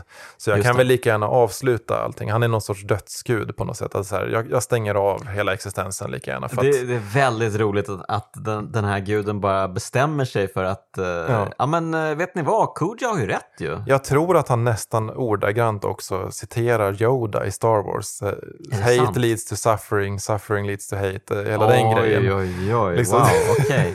Jag vet inte om det är medvetet eller ett misstag, men så, eh, liksom bara en för händelse. Men, kan ju vara en, en hyllning bara från Ja. översättarna, den engelska översättningen. men då är det lite så här klassiskt att hjältarna, nej men vi, de, de, då vill de visa att nej men, ja visst, så ser världen ut, men vi har ändå liksom en livsvilja, en livskraft. Vi, det finns anledning att leva. Så Just de, det, just det. Så de eh, ja, får ju slåss mot den här skurken som är någon sorts blå rymdsnubbe som heter Necron. Ja, och eh, det är ju störtlöjligt, Ja. eh, är värt att tillägga. Den är ganska Eh, svår och lite så här, det, men det är Men, väldigt mäktig. men okej, men det måste, också nämna, måste också nämna att de fyra som slåss, Mm. de får ju sin livskraft från de fyra som inte slåss. Just det.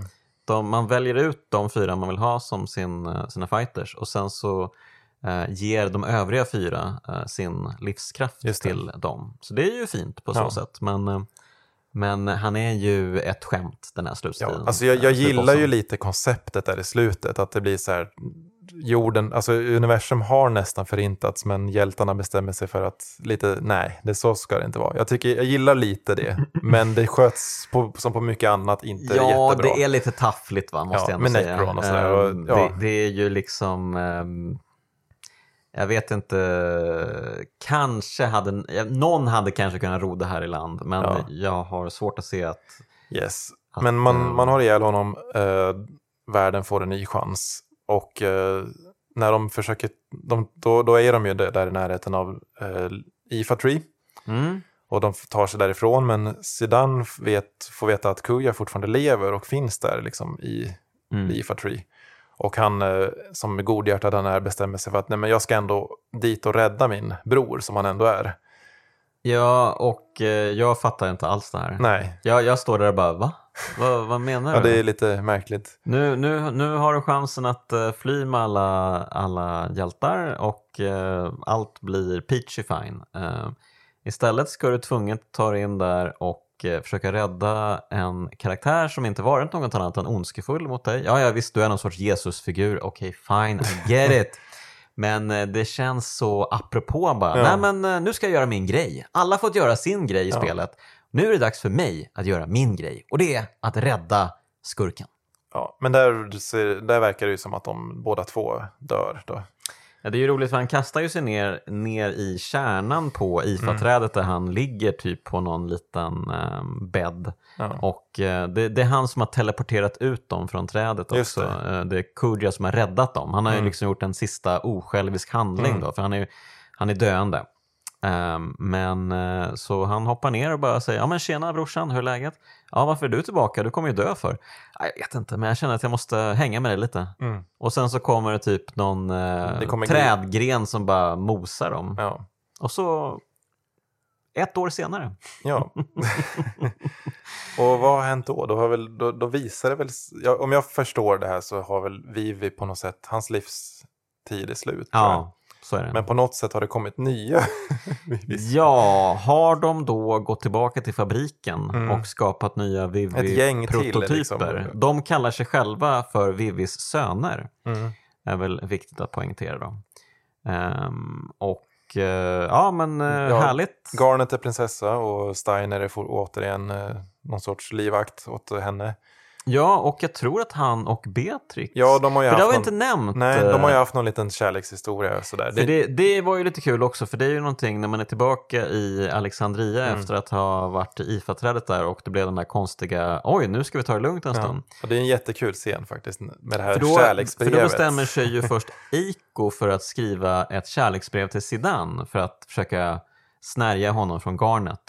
Men kärleksbrevet hamnar på omvägar Mm. och eh, det blir så att eh, både Beatrix och Steiner läser det här brevet eh, utan att veta om att Mm. den andra läser brevet och tror att den andra Ja, har precis. skrivit brevet. Så då blir det så här väldigt, oj då, jaha, är han kär i mig? Oj, hon kär i mig? Oj, oj, oj. Det är en väldigt oj. kul scen tycker jag. Ja, men den, den, Mm. den funkar tycker jag. Ja, mm. Så att, det slutar väl med att de blir ihop tror jag. Ja. Och eh, vad heter det, det, det, har väl, inte- det har vi inte gått in på, men eh, Freja är ju lite så här, en lite deppig person som har, hon hade ju en partner Gud, som... ja, det där var också väldigt Ja. underutnyttjat Ja, tycker jag. hon, man får veta att hon hade en partner som liksom förlo, hon förlorade för att han åkte iväg på en resa, men kom tillbaka och tappade minnet. Mm. Och eh, sen i slutet får man veta att ja, men, han verkar väl ha fått tillbaka minnet bara och de är tillsammans igen. Ja, jag tror att det var så att han inte hade fått tillbaka minnet. Nej, men men de- att han hade en- blivit kär i henne Ja. ändå. Ehm, och att han bara, ja men eh, du är ju Mm. trevlig, vi kan hänga. Och Eiko är väl liksom någon sorts del av kungafamiljen på något sätt. Han har blivit adopterad av Sid tror jag. Ja, just det. Och Då har vi inte ens nämnt att eh, hela skälet till att Sid var Ja. en oglopp från första början var för att han har varit otrogen mot sin fru. Just det. Och eh, frun, som heter Hildegard tror jag, eh, hade liksom Som han också döper sitt skepp kastat till. en förbannelse över Mm. honom och gjort honom till en oglopp och sen eh, bara stuckit. till, iväg med Kuja tror jag. Ja, precis. Eh, Så att eh, långt senare i spelet då så lyckas man frita henne när man är inne i något eh, Mm. slott och man bara helt apropå så finns hon där. Och där, där får man också, om vi ska återgå till Zorn och Torn, så får man veta att de är någon sorts jävla utomjording som sitter Ja, ihop. precis. Liksom. Något supermonster som liksom de, de uh, fogas samman till något supermonster. Eh, som faktiskt är ganska lätt att besegra. Ja. Eh, kanske spelets lättaste boss och det säger väl någonting om vilken status Zorn och Thorn har. Ehm, de ska ju, antar jag, vara någon sorts comic relief, eller, Mm. fast de är ju bara ir- irriterande. Så att eh, det känns som ett stort snedsteg. Det känns också som att uh, Hironobu Sakaguchi ville liksom kommentera på Kefka också. Ja. Bara, Ja, men okej, vi ska göra alla de här referenserna. Jag måste ju ha någon narr med också. ja, precis. Såklart. Ehm, ja. ja, och det hela slutar ju med att den här pjäsen spelas upp igen då. Precis. Ehm, I want to be your canary. Mm. Ehm, och eh, på, eh, liksom, huvudrollen spelas av en, av en person som står liksom klädd i mantel och huva och går inte att se vem det är. Och alla förstår ju såklart att Ja, det är Zidane. som lever. Men varför? För att jag, det, det verkar ju som att han dyker upp först nu, ett, Mm. ett år senare. Eh, varför ett år Varför han senare? gör det vet jag inte. Det är jättekonstigt. Men eh, Ehm. ja, de blir jättekära och Sedan och, Sedan och Garnet. För de har ju, deras kärleksrelation har ju byggts upp liksom under spelet. Precis, så nu blir det äntligen en Ja. slutkyss typ. Eller är det en kyss? Jag minns inte. Ja, men det minns inte, men jag tycker det är väldigt fint ändå. Är det även, om det, PJ-13 det här? även om det inte är så tydligt vad han har hållit på med så tycker jag det är ett väldigt fint slut. Det är lite ja, sagoslut alltså deras på något sätt. omfamning är ju fin. Ja. Eh, Allt det andra tycker jag var dåligt. Ja.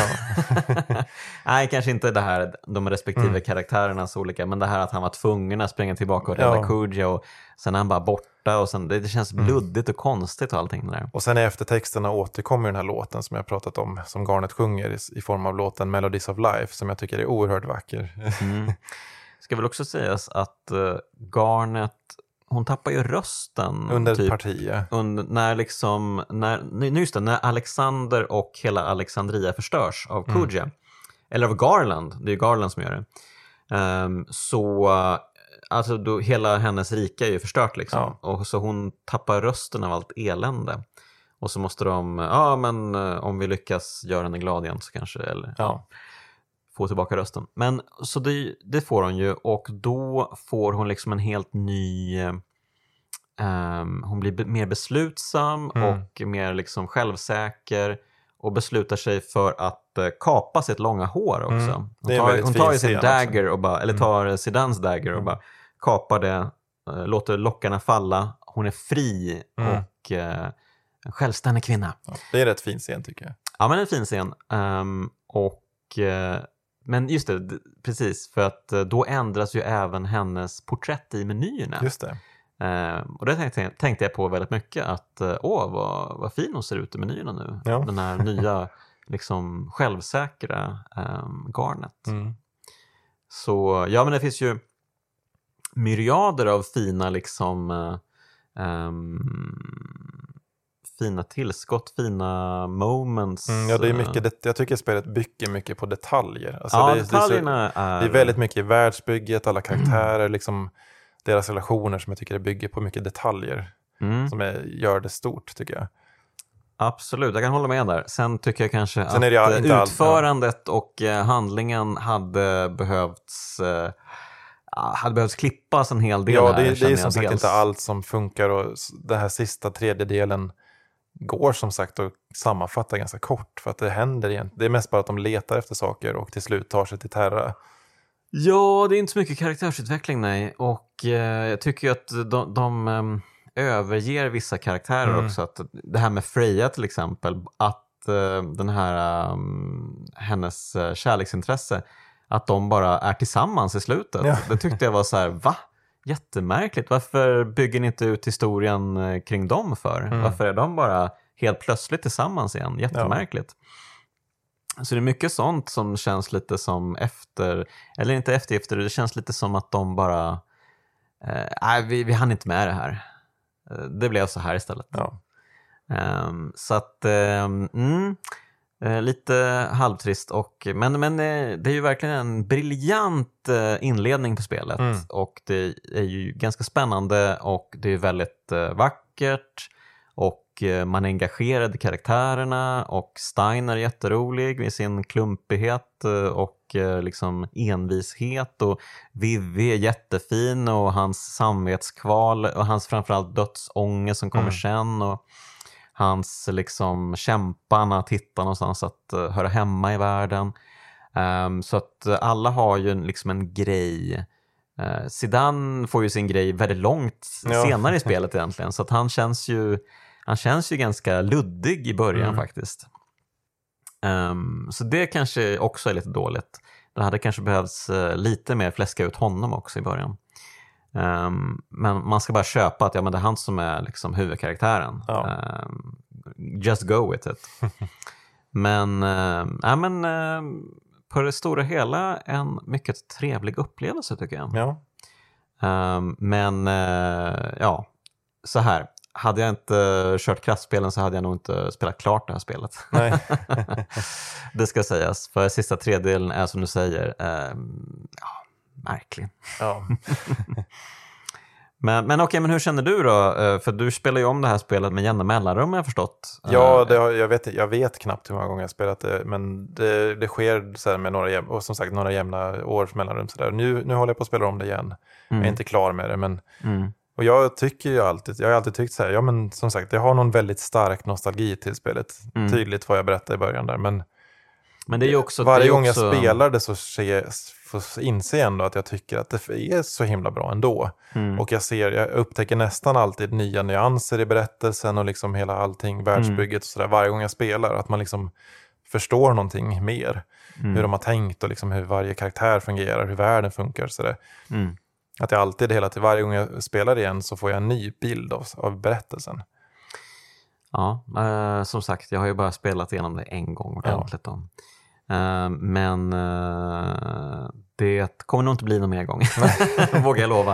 Eh, men ehm, alltså så här, det är ju det är ju en fantastisk slutpunkt för de här liksom första Final Fantasy-spelen och den, liksom den perfekta, kanske den perfekta slutpunkten också för Hironobu Sakaguchi, en ja, gärning som Final Fantasy-skapare. Um, och det För är ju... serien blev ju något annat sen tycker jag. Alltså, det finns ja. ju fortfarande bra spel men det är, det är en annan, väldigt annan typ av stämning och känsla och liksom berättande allting. Mm. Ja, precis. Och hela hans gärning och Nobu Uematsu också såklart. Um, precis, så att uh, det är ju passande. Det är ett passande spelet mm. och ett sentimentalt spel som ja. verkligen är medveten om sin egen historia och eh, vilken betydelse eh, historien har för många av dess fans. Mm. Så det är ju, eh, jag tycker det är fint med fanservice ibland. Ibland ja, det, tycker verkligen. jag att det är värdelöst, men ibland så tycker jag att det är underbart vackert. Ja, men det är ett väldigt känslomässigt spel på många sätt och det är kanske därför jag tycker att det är så bra och, ett, och att det är ett kraftspel. Liksom. Mm. att det, det, alltid får, det, det får mig att känna saker verkligen. Ja, men eh, jag tycker att man eh, definitivt, eh, om man är sugen på ett Final Fantasy-spel som man inte spelat, om man inte spelat Final Fantasy 9 så ska man definitivt ge det en chans tycker jag. Ja, och då kan det rekommenderas att spela det på PC då för att använda den här modden som gör spelet bättre. Alltså lättare att spela idag kan man väl säga. Ja, förslagsvis på Steam Deck som jag spelade Ja. på funkar det alldeles utmärkt. Um, satt i semesterstugan med Steam Decken och Ja, spelade. mysigt. Ja, supermysigt. Ehm, ja, och, ehm, nej men, eh, och också det här att eh, det var ju ett förvånansvärt, um, förvånansvärt enkelt gammalt Final Mm. Fantasy-spel. För det är som du är inne på, man behöver ju inte liksom eh, levla galet mycket i det här spelet. Nej, inte, det är väl mot slutet kanske som man, när, man, när världen öppnas upp lite sådär som man, kan, som man kanske behöver göra det lite mer.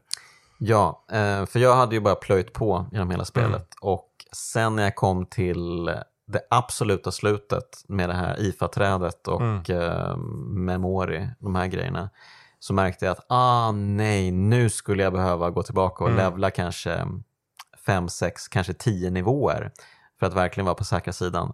Så jag kände bara, det här orkar jag inte. Såg resten på Youtube. Ehm, men eh, fram tills dess så gick det ju som en Mm. dans tycker jag, eh, det mesta. Ja, det är ju som sagt, nu, nu när jag spelar idag så är allting väldigt lätt. Mm. Om man inte spelar så här hemliga bossar och grejer. Men, Mm. för det finns det ju. Ja, precis. Man, ja, det var en, en gång som jag stötte på en fiende som bara KO'ade mig direkt. Det var någon drake på någon platå som jag hamnade på via Ja, någon, det, det är ett, så. Ja, och det är ett klassiskt ställe som man, när man får luftskeppet så kan man återvända dit. Och det är ett så här klassiskt ställe att åka till och grinda på. Just det, Att man, får väldigt, Mm. man får väldigt mycket XP och eh, eh, AP som man använder för att eh, levla upp förmågorna på rustningar Mm. och svärd tror jag från de här. Just det, just det. Ja, precis.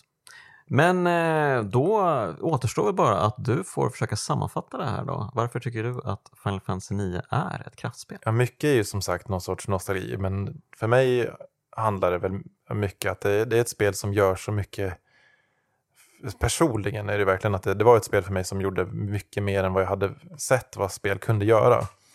Och jag tycker väl än idag att som sagt att det här är ett Final, det här är för lite Final Fantasys högsta topp top på något sätt. För att det, det är det här, ja men, det fina i begränsningar i allt berättande. Att det, allt som vi pratat om, att det det är text och det är väldigt fasta kameravinklar. Liksom det berättas på ett väldigt fint sätt. Mm. Och jag gillar det här, jag gillar ändå berättelsen genomgående, även om den liksom sjunker lite mot slutet. Mm. Men det, det är så här världsbygget, det är musiken, det är, liksom, det är en väldigt fin bara skapelse i slutändan. Som Det Mm. märks verkligen att Hironobu Sakaguchi och Nobuo Uematsu och liksom hela andra gänget har verkligen gett järnet med, på alla sätt. Liksom, nu, nu gör vi det sista Final Fantasy, kändes det som. Liksom, nu gör Mm. vi Final Fantasy på riktigt. Det är roligt för att eh, det första Final Fantasy fick ju namnet Final Fantasy för att han, uh, Hironobu Sakaguchi, eh, tänkte att det här blir hans sista spel. Ja. Ehm, så att eh, det tog, ja han gjorde ju inte Final Fantasy 8 då, han gjorde väl Nej. de andra tror jag. Ja, han, var, han har väl varit med på olika sätt i alla fall. Ja, precis. Men han, ja, det tog ju ett antal spel då innan Ja. det till slut blev hans sista Final Fantasy. Ehm, och det, är- det är ju härligt med ett spel där en kiss-scen är liksom en av de bästa grejerna med spelet. Det trodde jag inte Mm. att jag skulle säga. Men ska, Men- Vi, ska vi prata kort om eh, den, den pot- potentiella remaken som det pratas om? ja, ja, ja. Okej, ja, men det har um, precis, det har ju pratats om att det är en remake på gång. Ja, både någon form av animerad tv-serie men också en remake pratas det om. Och då Mm. finns det ju redan Final Fantasy 7 Remake. Som är, jag tror inte alls att de kommer göra samma typ där. För sjuan är ju, sjuans remake är ju uppdelad och de gör väldigt mycket meta i det spelet. Mm. Mm. Och, men jag vet inte riktigt vad jag vill se faktiskt av en remake av nian. Eller om så, ens om jag vill se en remake. Alltså det, det är lite så här, don't eh, mess with vad som inte är liksom trasigt. Nu är ju spelet inte perfekt. Men Mm. jag förstår inte riktigt vad man ska göra. Alltså hur, hur, Ja, ja, men- men, hur ambitiös kommer den remaken vara? Och Ja, vad men, vill eh, de göra med det? Så, och kommer den slå på samma sätt som sjuan? För sjuan har ju en så himla ah, förankrad plats i typ spelvärldens historia som, Mm. som ett väldigt populärt spel. Medan Mm. nian aldrig riktigt har varit det, även om det som sagt har växt till mångas favorit genom åren. Mm. Men jag undrar faktiskt vad de kommer göra med den. Ja, precis. Det läm- alltså, så här, Final Fantasy 7, um, det kändes ju ganska givet att det skulle få en remake. Ja, För det ser ju så jävla fult ut. ja det är ju Ehm, väldigt föråldrat. det är Nian är ju- ju ändå fint på, i, Nian är ju i den helt- grafiken den Det är en har. helt liksom. annan grej, för det ser ju bra ut Ja. med ehm, den här remastern de gjort och framförallt då med den här modden man kan använda på PC. Så ser det ju ganska snyggt ut. Mm. Mm, Det, det är ju liksom ett gulligt, um, puttinuttigt, härligt spel. Eh, där ändå liksom designen ehm, får liksom ganska stort spelrum och man kan se vad det är har tänkt sig Mm. um, skapa här. Uh, Medan man i Final Fantasy 7, ehm, det är bara lik- liksom ett gäng Minecraft-klossar som springer Ja, runt. och det är mycket tycker jag som inte riktigt så hör ihop i sjuan. Alltså, Mm, just Final Fantasy 7 Remake, det första här, det, det funkar ju väldigt bra just för att det bara är Midgar. För sen tycker jag, spelet, alltså sju, jag älskar sjuan också, mm, men det, jag tycker sjuan blir väldigt plottrig efter ett tag. Det blir lite så här märklig världsbild, världsbygge i det tycker jag. mm. Ja, jag förstår vad du menar. Det, ja, det ska bli väldigt intressant att se se hur eh, Rebirth ser Mm. ut och blir. Ehm, ja, eh, jag har inget att säga om en möjlig Nej. remake av Jag är lite nian. mer nyfiken på en tv-serie vad de ska kunna göra. Eh, liksom, vad Ja. det skulle kunna vara. Du skulle inte vilja se en uppföljare då? Det, nej, de, de gjorde ju mycket uppföljare på sjuan och sådär och det, det är jag tveksam till. Jag, jag, gill, jag, jag tycker inte riktigt om vad de har gjort med sjuan. Sådär. Mm, För att mm. de, har, de har ju byggt ut saker i onödan, Ja, tycker jag, i ja. den berättelsen. Mm. Crisis Core till exempel tycker jag är bara blaj som absolut inte behövs för att förstå sjuan. Mm. Och det är li- lite tråkigt att de börjar blanda in sådana saker i remaken. Mm. Eh, Men så jag tycker absolut inte att nian behöver någon, någon mer. Alltså, jag tycker det är en färdig historia. Mm. Eh, ja, och eh, den här historien, Ja. den är också färdig. Ja. Tack för att du var med i Kraftspelen igen. Tack för att jag fick vara med. Och eh, ett stort tack ska ni ha allihopa som lyssnar. Ehm, härligt att ni gör det och härligt att ni är Patreons. Och ja, helt underbart faktiskt. Um, tack även till de finfina pojkarna i Bitpopbandet 047. Och vi, vi hörs igen nästa vecka.